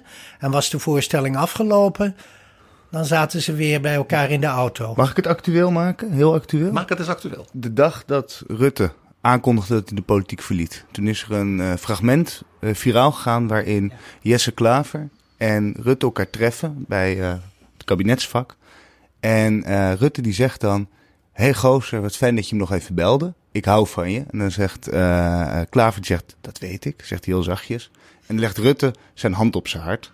En de buitenwereld die dit fragment zag, explodeerde. Het interessante vind ik dat de buitenwereld het niet accepteert. Want wat er eigenlijk echt is gebeurd daar, is dat de avond van tevoren hebben die mannen knallende ruzie gehad. Wat Jesse- Jesse Klaver had in heeft zijn achterzak een motie van wantrouwen Precies. tegen de minister-president. En die heeft op zondagavond gebeld. En Met Jesse Rutte. Klaver vindt het is goed gebruik om als je een motie van wantrouwen indient, om iemand dat persoonlijk te vertellen. Dat vindt hij nou, hij doet namelijk heel erg aan rollenscheiding. Van in debat sta je elkaar, eh, sta je fel tegenover elkaar. En buiten het debat ga je normaal met elkaar om. Dat is eigenlijk klassiek zoals het hoort. Klassiek. Dat is inderdaad, noemt ook iedereen hard op de inhoud, zacht op de persoon. En eh, nou ja, eh, hij belt op zondagavond. Rutte wordt boos. Ze hebben een heel verhit gesprek. En dat wordt niet opgelost. En wat je eigenlijk hier zag, was gewoon puur het beslechten van dat conflict. Eh, het is gewoon net, net als tennisspelers na een lange wedstrijd. Die staan elkaar helemaal naar het leven. Die willen games van elkaar pakken. En na afloop geven ze elkaar een hand. En verzekeren ze elkaar ervan. Hé, hey, ik wil je niet echt kapot maken. We deden een spel. Wat en vind je, ziet daarvan, nu, Koen? toen- ik vind dat heel goed, maar je ziet nu dat in toenemende mate de buitenwereld die rollenscheiding niet accepteert. En daar zelfs heel kritisch op is. Want en dat, vindt men dus niet authentiek. Dat vindt men niet oprecht. Dat Nee. vindt men hypocriet. Klaver werd inderdaad klefheid verweten. Van hoe kun je nou zo klef omgaan met een man waarvan je in het debat zegt hem te bestrijden. En dat verdwijnt. Opnieuw, dat is, daarom houdt dat, dat woord eendimensionaal ons zo bezig. We, dat vinden we heel ingewikkeld op het moment dat mensen niet meer consistent zijn of Ja, in één lijn Pechtold en acteren Wilders wilden ook absoluut niet samen een sigaretje rokend gezien Nee. worden, terwijl ze dat wel deden. Nee, en het interessante is, Sigrid Kaag in college tour, vlak voordat ze aankondigde, eh, twee maanden voordat ze wegging, die zei in college tour, met Geert Wilders spreek ik niet meer. Ik denk trouwens in haar geval eerlijk gezegd zeer terecht. Echt zeer terecht, want dat gaat veel te ver. Maar ze zei, omdat wat hij tegen mij in het debat zegt, dus binnen het spel, ze is een heks en ze heeft een gouden bezem, ze heeft allemaal hele bizarre dingen gezegd. Gaat zo ver dat ik ook buiten het debat hem niet meer hoef te Maar het is dus zo ver gekomen, Dus Jan. je ziet het is eigenlijk zo ver gekomen. Ja, we hebben geen rollenscheiding meer. Nee. Ja. En eigenlijk is dat in zichzelf ook weer eendimensionaal. Precies. En dat Ja. krijg je dus hele rare verhoudingen en wezens. Ja. Maar Ja. dat, is, dat is denk ik toch, after all, we zijn. Nou, eigenlijk zijn we lang bezig geweest met het eh, Nee, boek. toch maar Hoe lang? bezig. Nou, ik wel 2,5 jaar. Ja, jij was goed eerder vindt. begonnen. Ja, dat is waar. Ja, jij belde mij. Ja. ja, ik belde jou. Je belde me iets meer dan een jaar geleden. Geen dag spijt van, Koen. Ja. Met, met Gelukkig 50 maar. jaar kennis erin. En eh, ik betrapte me erop de afgelopen week, want dat hele proces gaat nog eens door je hoofd. Ik vond het heerlijk om aan te werken, omdat het voor mij ook voor een belangrijk deel een sentimental journey was. Ja, toch, eh, verdorie, dat is 50 jaar geleden. Er zijn mensen die niet eens zo oud worden. Die verliefdheid op de politiek, die heb ik herbeleefd. Was hij weg? Ja, die, die dreigde weg te zakken. En als ik, als ik nu zie hoe het ervoor staat. Ik betrapte mezelf erop dat ik eigenlijk heel somber ben en een beetje chagrijnig. Wat ik eigenlijk niet zou, eh, niet zou willen. Het is niet je En karakter. we hebben, we hebben voor, voor de Volkskrant een soort voorpublicatie eh, eh, geschreven. Afgelopen zaterdag? Afgelopen zaterdag. En die, die, die eindigt ermee dat alles woelt nu om eh, verandering. En ons wordt een nieuwe tijd beloofd. Wie weet, wie weet nemen ze dit mee. En, en, en, en zoeken ze niet meer de strijd op de vierkante centimeter. Ook de journalistiek eh, moet dat niet doen. Wij schrijven goede politiek, goede politici, die laten de complexiteit zien. Hier komen we zo nog even op terug tegen het einde van Oh, dit het moet gesprek. eerst reclame. Hoi, ik ben Alexander Klupping. Ik weet dat jij, net als ik, met heel veel plezier luistert naar betrouwbare bronnen. Maar je zou Jaap en PG echt helpen als je nu vriend van de show wordt. Dat kan met een donatie, per maand of per jaar. En dan kunnen ze nog veel meer afleveringen maken en zeg nou zelf, dat wil jij ook. Dus ga nu naar vriendvandeshow.nl slash bb. En doe het niet straks, maar nu. Dit is Betrouwbare Bronnen. Ik wilde het eerst nog even hebben over dat fenomeen van die spindokter. Ja. Want eh, dat ontstond, ik herinner mezelf heel erg eh, Jack de Vries bij het CDA. Ja. Maar voor Jack de Vries had je al Jan Schinkelshoek eh, bij het Ja. CDA. En later had je bijvoorbeeld bij de VVD Henry Kruithof. Ja, die en, en beide hebben jullie Ja. gesproken voor het boek. Hoe kijken zij nu terug op dat spindokterschap en naar die verandering die er heeft plaatsgevonden? Ik denk wat voor heel veel Zijn ze trots, mensen zijn ze trots op hun vak? Ja, nou, ik moet zeggen, Henry Kruithof die haalde wel heel veel plezier uit het spel. Hij zei ook, ik ben dol op het spel. Sterker nog, de knikkers interesseren mij niet Ja, eens. hij zegt de dus eigenlijk bedoelt hij de, inhoud, in het spel. de- het Ja. VVD-programma, dat maakt me niet uit. Ik kan het ook voor iemand anders doen. Hij zei onvervroren, ik, kan hij- het voor Shell doen en voor Greenpeace. Precies. Nou, ik denk, en ik denk dat dat voor heel veel mensen geldt. Dit is de wereld waarin je functioneert. En je moet het spel zo goed mogelijk spelen. Nou, die spindokters die En zijn die- haast ja. eh, de machtigste op ja, dat de fractievoorzitter na. Ja, dat is inderdaad, nou ja, eh, wat is het nu? 13 jaar geleden toen de VVD eigenlijk begon aan die hele grote zegentocht en zo lang regeren.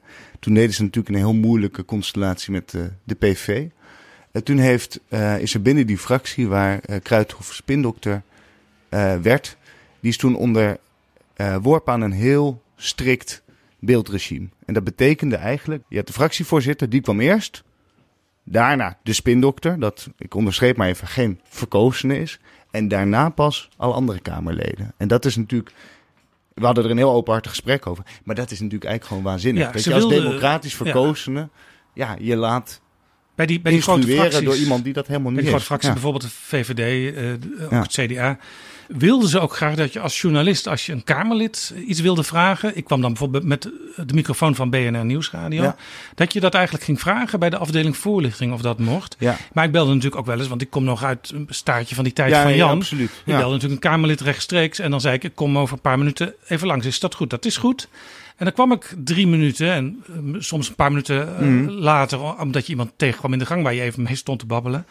Maar in die laatste jaren, eh, bij bijvoorbeeld de VVD, ook al ging het om iets heel onbenulligs, bij wijze van ja. spreken eh, het economiebeleid eh, in de komende vijf jaar. Noem het Eh, maar onbenullig. Dan deed je de deur open bij dat Kamerlid en dan stond achter die deur stond een fractiewoordvoerder Ja, al. of terwijl heel bekend ik, fenomeen. helemaal niet gebeld heel had. bekend fenomeen. Je pakt, tegenwoordig gaat veel per app natuurlijk. Je appt even iemand een vraag. Gewoon een feitelijke vraag. Of kan ik even langslopen of ik wil dit en dit weten. En het verschilt per Kamerlid. Er zijn er nog die zelf antwoorden. Maar soms krijg je met name bij die grote middenpartijen... krijg je soms een appje van de voorlichting met... ik begrijp dat je een vraag hebt. Waarbij ik dan denk, ja, maar niet aan jou. Maar dat zijn wel soms de verhoudingen. En, en dan vervolgens moet je met die persoon gaan soebatten over... waar gaat het dan over? Wat ik tegenwoordig Ja. ook heel vaak hoor, eh, zelfs een enkele keer als ik iemand uitnodig voor betrouwbare bronnen en in het geval van een minister is er dan een woordvoerder bij betrokken, dan is een van de eerste vragen, wat wil je met dat gesprek bereiken? Ja. Ja. Ja, ik, soort ik wil weten wat iemand drijft en Ja. waar die staat en waar we naartoe Ja. gaan. Ja.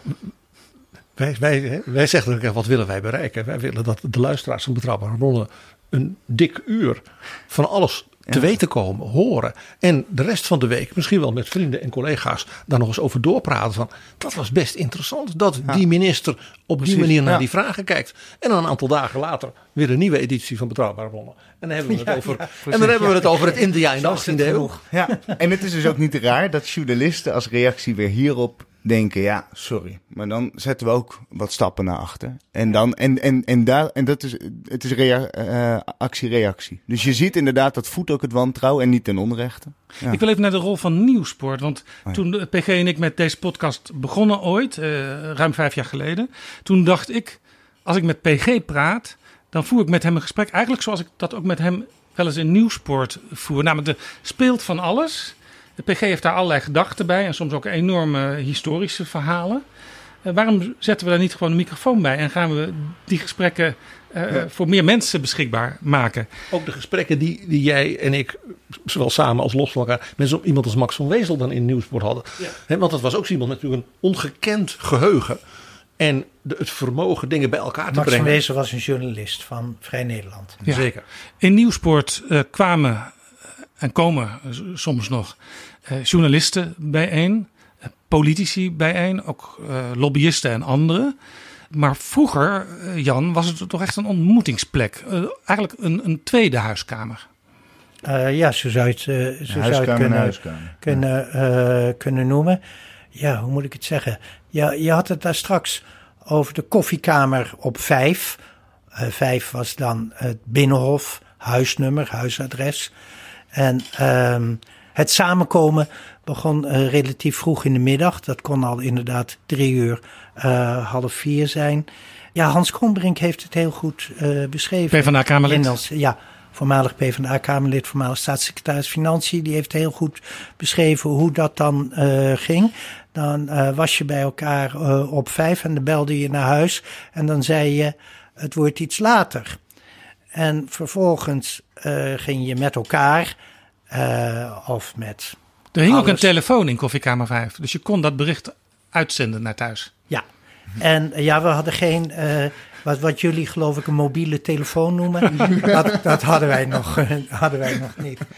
En dan eh, belde je iets later, dan zei je, ja, eh, we gaan nog even naar Nieuwspoort. Eh, begin maar vast te eten.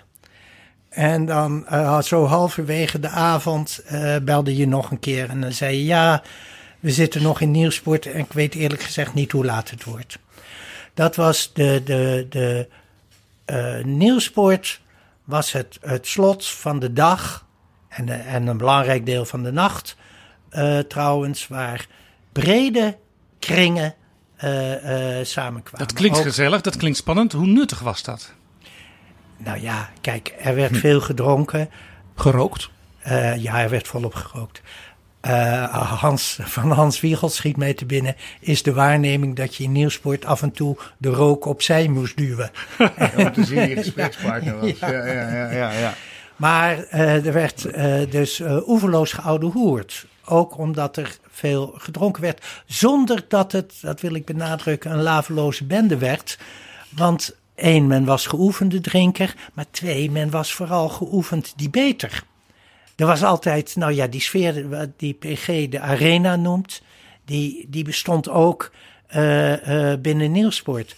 Uh, Kees Lunshoff, vermaard en vooraanstaand chef politiek van de Telegraaf, die, ja, die was daar habitué.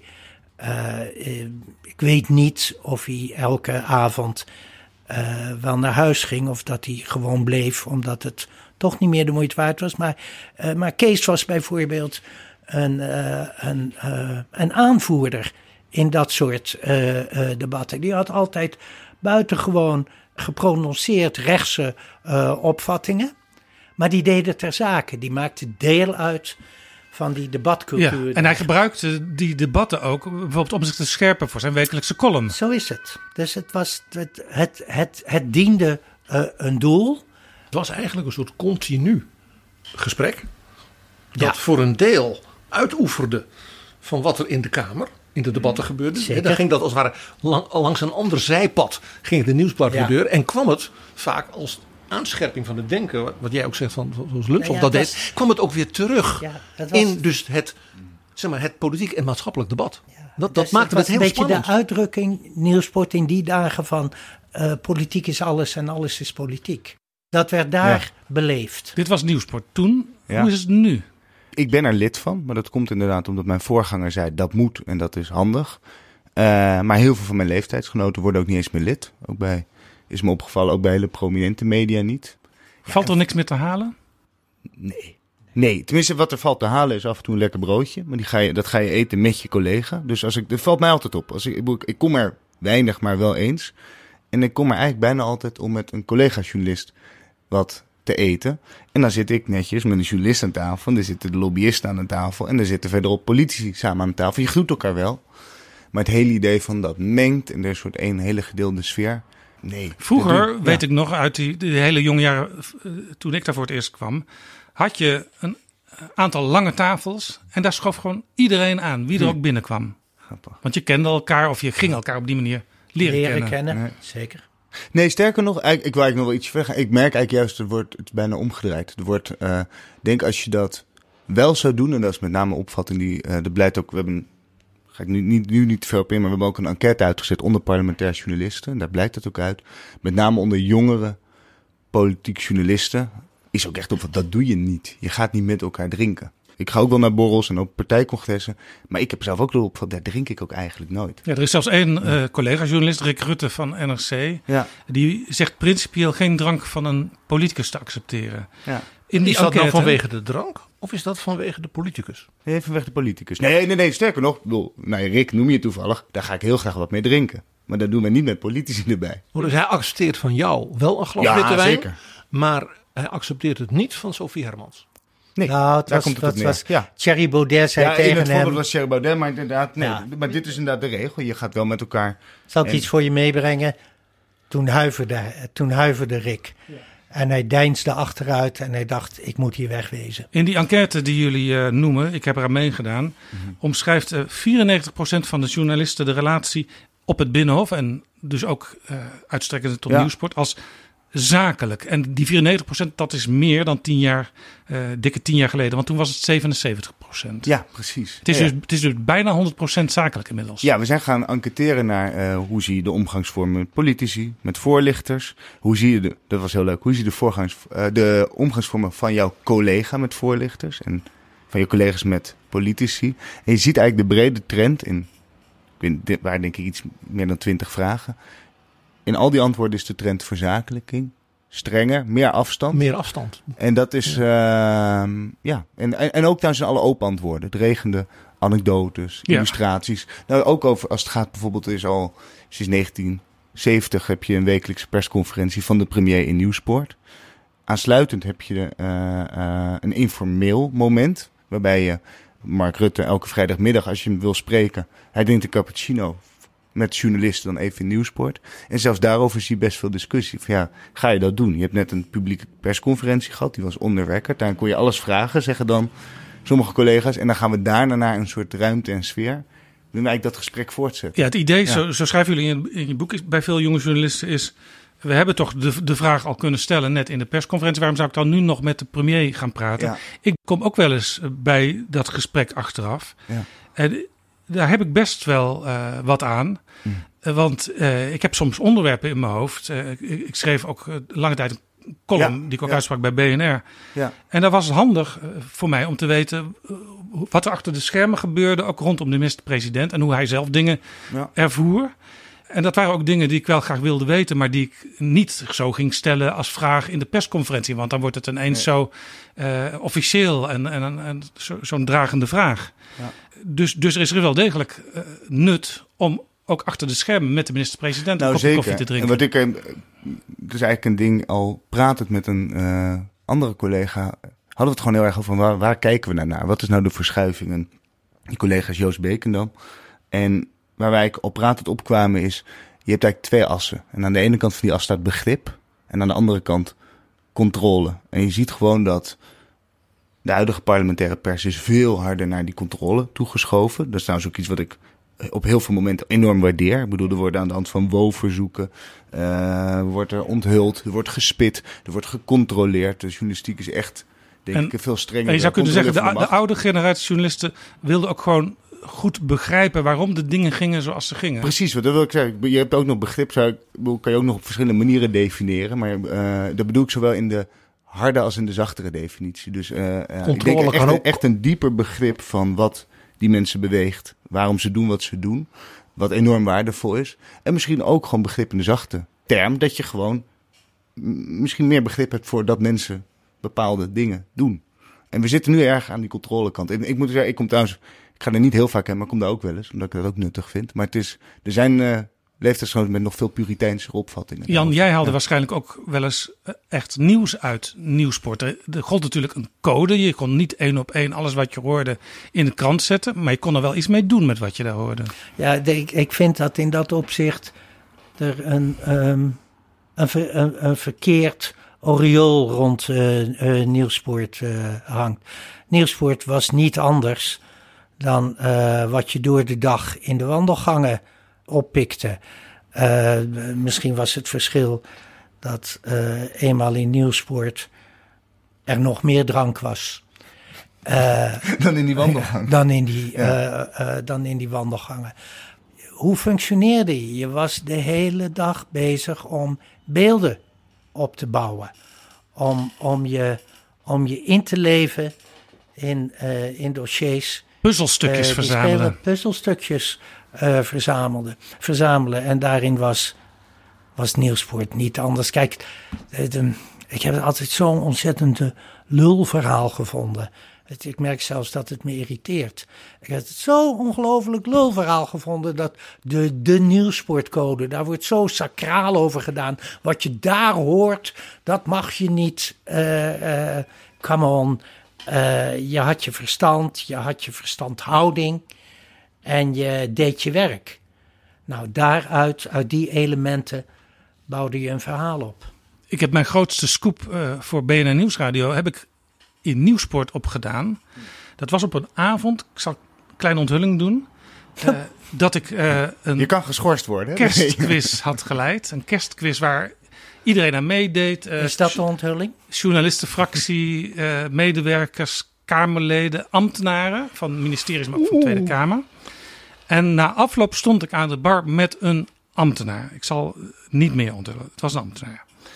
En die eh, begon bij mij te klagen over het feit dat de Tweede Kamer misschien wel eens 13 jaar van het Binnenhof zou moeten verdwijnen, omdat er plannen waren voor een grootscheepse renovatie. Dat had ik nog nooit gehoord. En ik wist misschien niet alles, maar ik wist wel bijna alles van wat er eh, op het Binnenhof gebeurde. Eh, bleek ook, dit was een paar dagen voor kerst. Meteen na de kerstvakantie. Toen ging ik eens eh, een rondje maken langs mensen die er misschien iets van konden weten. Bijvoorbeeld fractiesecretarissen, want die moeten zo'n verhuizing voorbereiden.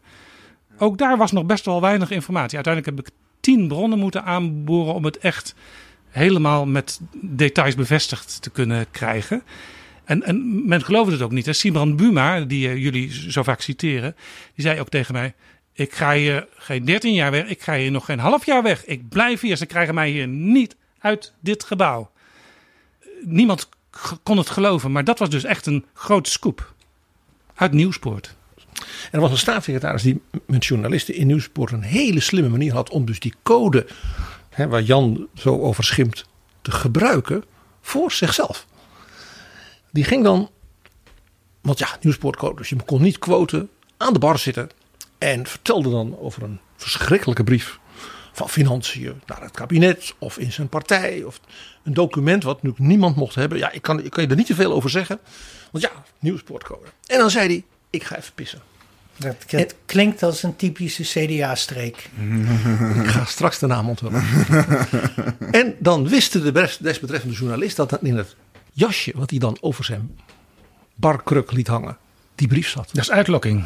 En dan kon hij dus meenemen. Ja, en dat, dat kon hij dan ook niet helpen. Dat was Gerrit Broks. Ja, ik zat er dus niet naast. We verlaten Nieuwsport en we gaan naar het nieuwe tijdelijke Kamergebouw. Uh, waarover we al zeiden. Dat is een kantoorgebouw met systeemplafondjes. En fracties gehuisvest in gangen. Vaak één gang per fractie als het een gemiddelde fractie is gangen die doodlopen. Dus als, ja, als journalist je daar meldt, dan vragen ze wat kom je doen. Vroeger in het oude Kamergebouw Binnenhof kon je rondjes maken. Kwam je mensen tegen, ook mensen die je helemaal niet zocht. Maar waarvan het toch wel handig was dat je ze even zag. En die je dan misschien later op de dag ook nog in Nieuwsport tegenkwam. Een van de dingen die samenhangen met dat nieuwe Kamergebouw, ook al een beetje in uh, de nieuwbouw daarvoor, is uh, de nieuwe journalistiek, de nieuwe media die daar rondlopen. Geen stijl, uh, poont, allerlei uh, grappig bedoelde uh, verslaggevers van omroepen met heel veel camera's, heel veel plopkappen. Die uh, Siebrand Buma in jullie boek de prachtige term afzeik-tv noemt. En daar blijkt uit, jullie enquête die al werd aangehaald, dat 81% van de journalisten die nu op Binnenhof actief zijn, dat uh, verfrissend vindt. Ja, dat viel mij ook op ik weet ook niet precies wat ik zelf ook op die vraag had geantwoord hoor. Uh, omdat ik ook wel in brede zin ook vind, ja, uh, dat hoort ook bij een open democratie, dat er gewoon heel veel stemmen binnenkomen. Uh, kijk, als het echt alleen maar entertainment is, is het heel vervelend en jammer. Maar bijvoorbeeld als je, in het boek wordt een situatie beschreven van Tim Hofman in zijn begindagen. Nou goed, daar kan ik kritisch op zijn. Maar die heeft ook heel nuttig werk wel verricht. Ja, heeft, je kunt zeker zeggen, hij heeft een aantal dingen dus, Ik bedoel, die, die, uh, dus ik vind het ook heel ingewikkeld als... Uh, en ik weet dat, dit is nou typisch iets waar Jan en ik van mening over verschillen. Maar ik vind het ook heel ingewikkeld worden als we die pers daar moeten beperken. Maar het viel me op inderdaad dat de steun voor nieuwkomers nieuwe pers aan Binnenhof gigantisch groot was. Ja, nou is Tim Hofman is misschien weer een geval apart, want die, die heeft zich ontwikkeld, zoals overigens ja, Rutger Kastrikum zich ontwikkeld heeft.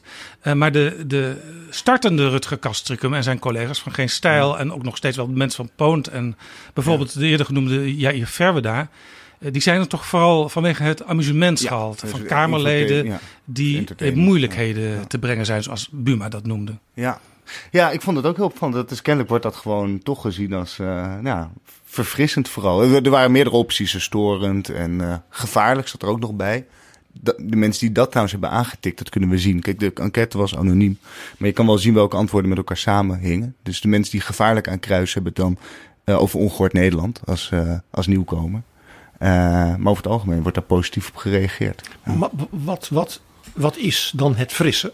Want als iets verfrissend is, dan was het dus daarvoor onfris nou, en is het nu fris. Oké, okay, nou, laat, ik, ik, bedoel, ik deel nou best wel wat kritiek ook op wat Rutger Kassim ooit deed. Maar laat, laat ik iets positiefs noemen. Um, hij zette bijvoorbeeld wel de aanval in op spindokters. Hij kwam in een tijd aan het Binnenhof op het moment dat iedereen geharnast en geïnstrueerd en gedirigeerd antwoorden wilde geven. En hij brak daar dwars doorheen. En bracht die mensen weer uit evenwicht. En dan kun je vragen, ik weet niet of de meest inhoudelijke diepe inzicht in politiek heeft opgeleverd. Maar hij schopte wel de vierde wal, uh, de vierde muur omver. En ik denk dat dat misschien op dat moment. Ik weet dat, maar goed, ik was toen ook jong, dat ik dat toen zelf ook als kijker. Zie Jan bedenkelijk kijken. Ja.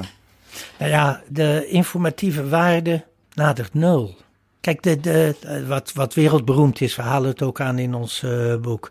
Hoe uh, Castricum destijds, uh, Vogelaar, minister van uh, volkshuisvesting en, uh, en uh, achterstandswijken. Kansenwijken.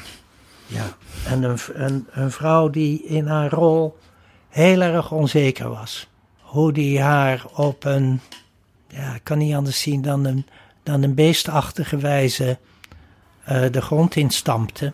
Nou, dat filmpje is sindsdien ook in elke mediatraining gebruikt. Oké, nou, het diende geen enkel doel behalve uh, de glorie uh, van Castricum en het entertainmentgehalte van, uh, van Poont. En ja, we noemen, of ik noem geloof ik, Jair Verwerda, dat, dat, is, dat is iets anders hmm. dan Poont. Ik, ik betitel dat als de verkleutering. Ja. Hij is, hij is wat van de, meer van de vrolijkheid. Van de politieke journalistiek. Ja, het moet altijd uh, vrolijk zijn. ongevaarlijk. Het moet altijd gezellig zijn. Altijd lachen. Oh, en het moet altijd uh, lachen zijn. Hij begint al te lachen. Met, met een iets te. te als je ernaar kijkt, krijg je het benauwd.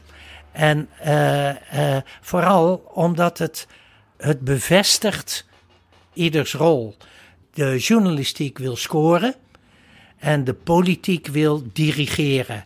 En zo helpen ze elkaar de dalles in. Veel van die zogenaamd uh, lollige gesprekken die vinden plaats in wat de patatbalie uh, wordt genoemd. En jij schrijft in het boek, Koen, de nieuwe patatbalie die ligt ergens achteraf in het Ja. gebouw, net als tippelzones. Ja. En je voelt je viezig als je er een bekende tegenkomt. Ja, nou ja, het is eigenlijk, hè, dat weet iedereen in Den Haag, maar daarbuiten vaak niet, is dat de echt parlementaire week begint eigenlijk pas op dinsdagmiddag. En dat is met het vragenuur. En in het oude gebouw was dat op een eigenlijk best, had je op een best logisch Ja, punt. echt in het gewoon- hart van het gebouw. Ja, dan werd je, nou, met die roltrappen werd je daarheen gedragen. En dan belandde je op een plek waar politici, journalisten en alle andere mensen die daar rondlopen. Daar was, zou, zou je misschien, op iets zou je misschien kunnen zeggen, eh, Dat was wel goed over nagedacht. Ja, dat was een soort dorpsplein dat daar ontstond. Waar mensen gewoon makkelijk elkaar troffen, waar je dingen kon uitwisselen. Waarom is dat de patatbalie gaan Ja, omdat, eh, omdat bodes daar eh, altijd de handelingen uitreiken over een balie. Als waren het zakjes friet. Tenminste, dat is ervan gemaakt. Van, het lijkt alsof ze daar zak friet staan uit te delen. Dat, dat is tegenwoordig trouwens, deel, ja, kan je dat nog wel ophalen. Maar, Maar nu is het een eigenlijk smerige tippelzone. Ja, in de zin dat het is gewoon een, ehm, opnieuw, en dat heeft te maken met dit gebouw, is eh, alles, als je naar, in dit gebouw ergens heen wil, loop je eigenlijk altijd naar een eindpunt. Waardoor alles, en het gebouw volgens de regels van efficiency, waardoor je altijd meteen prijsgeeft wat je aan het doen bent. Je bent eigenlijk nooit ergens toevallig of spontaan. Je gaf eerder al het voorbeeld, als ik naar een fractie loop, dan weten ze, hij komt hier iets doen. Het is niet zo dat ik zeg, oh, ik ben onderweg, terwijl ik door de VVD-gang loop naar het CDA. Nee, want de gangen lopen dood. En dat is hier bij de patatbalie ook zo. De patatbalie is een soort doodlopend plein, waar je heel wel bewust heen moet, waardoor het hele idee, kijk, de onschuldige leugen die altijd rondom de patatbalie hing, was mensen komen elkaar toevallig tegen. Dus je kan je met elkaar, hou je in stand het idee van, goh, wat grappig, we treffen elkaar hier. Want ik was net onderweg daarin of daarin of daarin. Goed, dat- goed dat ik En nu jou zie, je want ik had wel bewust moet je hierheen. En dan inderdaad kom je om daar te zijn. En dan heeft het ook nog het effect dat er bijna geen politici nog meer zijn, maar vooral voorlichters en journalisten. Nee, en schrijvende journalisten die eh, hebben ook vaak iets. Ik, ik hoef daar niet te zijn. Precies, nee, dat is ook zo. Ik kom maar ook zelf niet zo vaak. Ik kom eigenlijk, de enige reden dat ik er wel eens kom, dat ik denk, goh, ik had laatst even iemand geappt, heel even doorgeven, krijg ik nog antwoord en dan ga ik weer weg. Dus er is niet, ehm, ja, en er zit nog een heel ander probleem, is dat de parlementaire zaal kent nu twee uitgangen die ver uit elkaar liggen. Dus voor televisiecollega's is dat helemaal verschrikkelijk. Als die iemand staan op te wachten, moeten ze een gokje wagen of met twee cameraploegen gaan staan. Ja, jullie citeren in het boek Kruithof, die oud-spindokter van de VVD. Eh, hij verwacht dat in de nabije toekomst in de wandelgangen en ook bij die patatbalie journalisten geweerd gaan worden. En hij, bracht het uh, buitengewoon blijmoedig. Als een logische uh, onvermijdelijkheid. En vermoedelijk is dat ook het geval als je het proces van de afgelopen jaren uh, overziet. Waarin het, het dirigisme vanuit de politiek steeds sterker is geworden. En er in menig politieke partij nog altijd die zenuwen bestaan van het, uh, van het, van het begin van uh, deze eeuw. Namelijk, we hebben geen greep op ons electoraat. En uh, we moeten vrezen voor ons bestaansrecht. Dus die, die, die, die drive, die dwingende beweging naar meer controle, die is niet weg. Nee. En die zal waarschijnlijk zijn schone voleinding vinden in dat tafereel dat, dat uh, Kruithof uh, schetst. Namelijk wandelgangen alleen nog onder begeleiding van, uh, van woordvoerders. Ja, en dat is, het, dat is het einde. Tegelijkertijd mag je één hoop van. Gewoon wat ik interessant is aan nou ja, een politica die nu bijvoorbeeld heel veel aandacht krijgt, Caroline van der Plas. Kijk, we moeten zien Wie? hoe lang ze. Caroline van der Plas. We moeten zien hoe lang ze het, hoe lang ze het volhoudt hè, en hoe lang ze dat doet. Maar die zegt op een gegeven moment, ik doe niet aan voorlichting. Mensen moeten mij direct appen of bellen. En je ziet eigenlijk dat het bijna automatisch haar ook best veel goodwill oplevert. Dit is nou eigenlijk, dat is eigenlijk het schoolvoorbeeld van een politiek leider die extreem benaderbaar is. Staat namelijk altijd op dezelfde plek te roken. Ze praat met iedereen. Ze neemt de telefoon op, ze appt met mensen. En het is interessant om te zien wat dat eigenlijk doet. Geen spindokter nemen. Overigens, uh, ik heb ditzelfde meegemaakt met, klinkt misschien gek, met de SP-fractie. Die hebben wel uh, voorlichters, maar die zeggen als je vragen hebt, ga maar rechtstreeks naar het Kamerlid wat er over gaat. Maar misschien speelt daarmee dat ze bij de SP nog heel goed weten waar ze vandaan komen en waar ze voor staan. Ja, en, ja, en ook geen Ja, megafracties hoeven te mennen. Dat is misschien ook nog wel zo. Ja. Nee, maar dat klopt. Maar het heeft automatisch werkt dat positief door. De opmerking van Jan net, die vond ik heel treffend. Dat hij zei, de, de bezorgdheid over het greepverlies, al twintig jaar, leidt dus tot steeds meer controlemechanismen. Ja. Interessant is dat Koen vertelde dat dus de journalisten meer zijn van de controle zijn geworden dan van analyse, begrip. Zijn dat niet elkaar versterkende dingen? Ja, zo Ja, ik denk de hele samenleving wordt schematischer, helderder opgedeeld. eh, rollen zijn scherper dan ooit. En dus ook meer Ja. afsplitsingen? Ja. En minder ontmoeting en minder begrip en meer, en meer behoefte om elkaar klem te zetten. Dat zie je inderdaad breed eh, eh, in de samenleving. Wij zien het heel sterk in de, in de harspolitiek, in die vervreemde eh, verbinding tussen politiek en journalistiek. Terwijl in het besef dat je elkaar nodig hebt, maakt men het leven voor elkaar eigenlijk steeds moeilijker. We concluderen dat, er, dat, de, dat de, de, de journalistiek moet, moet politici niet verneuken. En moet politici ook al helemaal niet verheerlijken. Maar die moet, er moet een soort eh, kritische eh, nieuwsgierigheid zijn. Maar die, ja, ik ga het woord toch een keer gebruiken, die getuigt van mededogen. Dus spijker een politicus niet vast op elk woord. En hou eens op met die flauwe vragen over, maar vorige week zei u nog dit. Of in uw programma, partijprogramma staat dat. Neem een politicus serieuzer dan dat kleuterniveau. Ja, eh, want jij zei net, eh, dit leidt tot het einde der tijden. Dat blijkt ook eh, in de politieke partijen zelf zo te werken. Jullie citeren Frank de Graven, belangrijk politicus lang geweest in de VVD. Ook iemand die vaak telefoontjes heeft gepleegd met potentials uit de partij waarvan hij dacht... jij bent misschien wel iemand die op de lijst voor de Kamer moet. En heel vaak en in steeds toenemende mate kreeg hij als antwoord: Ik wil helemaal niet, ik voel daar niks voor. Ik zie dat elke dag op televisie en ik wil helemaal niet in dat harnas eh, gedwongen worden. Waarbij dus een gedachte is dat die televisie een beeld is van de werkelijkheid. Luister goed, wie wil er nou politicus worden? Je wordt, je- jij wordt bedreigd, je familie wordt bedreigd, je buurman eh, wordt bedreigd. Je wordt voor halve zool verklaard. Eh, je moet Jair Verwe daar te woord staan. Eh, dat is toch geen leuk leven, jongens? Come on. Dus, maar ja, het, wat interessant is, wat ik althans interessant vind, is hoe komen we uit die, die eh, dodelijke omhelzing? Daarvoor is het echt eh, hoog tijd. Daarvoor hebben we politici nodig die weer durven te twijfelen, die de ambivalentie en de gelaagdheid die Koen zo goed uitlegt, aandurven.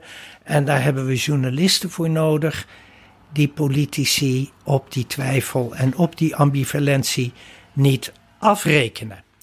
de politiek en de politieke journalistiek zouden weer een interessante vorm van gedachtenwisseling Ja, maar dat is moeten wat worden nou- ja. op grond waarvan er iets kan Precies. opbloeien. Want ik ben gelukkig maar optimistischer, want ik moet nog even en ik ben deel van die generatie. We wensen Eh, je sterkte. Ja, dank je. Ja, ik ben dus eigenlijk best heel vrolijk over heel veel elementen van de parlementaire pers. Namelijk ook inderdaad die controle. Er wordt veel onthuld, er wordt veel gecontroleerd. Maar waar ik het heel erg mee eens ben, is politiek is ook ideeënstrijd. Het is ook onze taak om niet alleen te beschrijven wat mensen fout doen. Dat doe ik ook heel graag. En dat doe ik ook heel graag met mijn collega's. Maar ook om te beschrijven wat ze drijft en hoe ideeën gevormd worden. En, dat, en die hele ideologische kant is ook gewoon heel leuk om te beschrijven. Maar daar heb je wel goede gesprekken voor nodig. Dat werkt niet met geregisseerde, eendimensionale Ja. mensen. We gaan naar het einde. Jullie citeren Auke van der Woud, hoogleraar in de geschiedenis van de architectuur en stedenbouw. En die Auke van der Woud die zegt: In een verzakelijkte entourage opereer je veel eerder voor het kale, eerder voor het eigen belang dan voor het grotere. Gezamenlijke belangen. In Nederland is regeren management geworden. Daar horen neutrale zakelijke kantoorunits bij. Dus hij maakt het eigenlijk nog groter. Hij zegt Mhm. zelfs, zelfs het regeren is veranderd en de architectuur past zich daar ook aan aan. Dus dat is eigenlijk nog weer omgekeerd dan jullie grote lijn, namelijk de architectuur f- à la Churchill vormt ook de politicus en de journalist. Nou had ik ooit een interview met Hans Gualteri van Wezel. En die zei, ja, er is nog een reden waarom het eh, nu zo zakelijk is geworden allemaal. En het is al lang geleden dat ik dat interview met hem had, toen hij de Kamer ging verlaten. Hij zei, het is misgegaan sinds Beatrix het heeft overgenomen van Juliana. In de tijd van Juliana en Bernard was het allemaal veel gezelliger. Gezelliger. Ja, ik hoor het hem zeggen. Grappig. Nou vond ik bij de voorbereiding van Geweldig. dit gesprek en nog een citaat van Hans Gualteri van Wezel. Dat was op diezelfde dag dat de Oude Kamer verlaten werd. Nou ja, dat doet mij nog eens denken aan het feit dat ik eh, in de 15 jaar dat ik in de Kamer gezeten heb... één hele foute beslissing genomen heb. En dat is dat ik in de tijd voor de nieuwbouw gestemd heb. Dat had ik nooit mogen doen. En eh, ja, daar zie ik nou de consequenties van. Dus ik heb daar spijt van. Hij wist het. En jullie hebben het nu opgeschreven. Dankjewel voor dit gesprek. Graag gedaan. Dankjewel.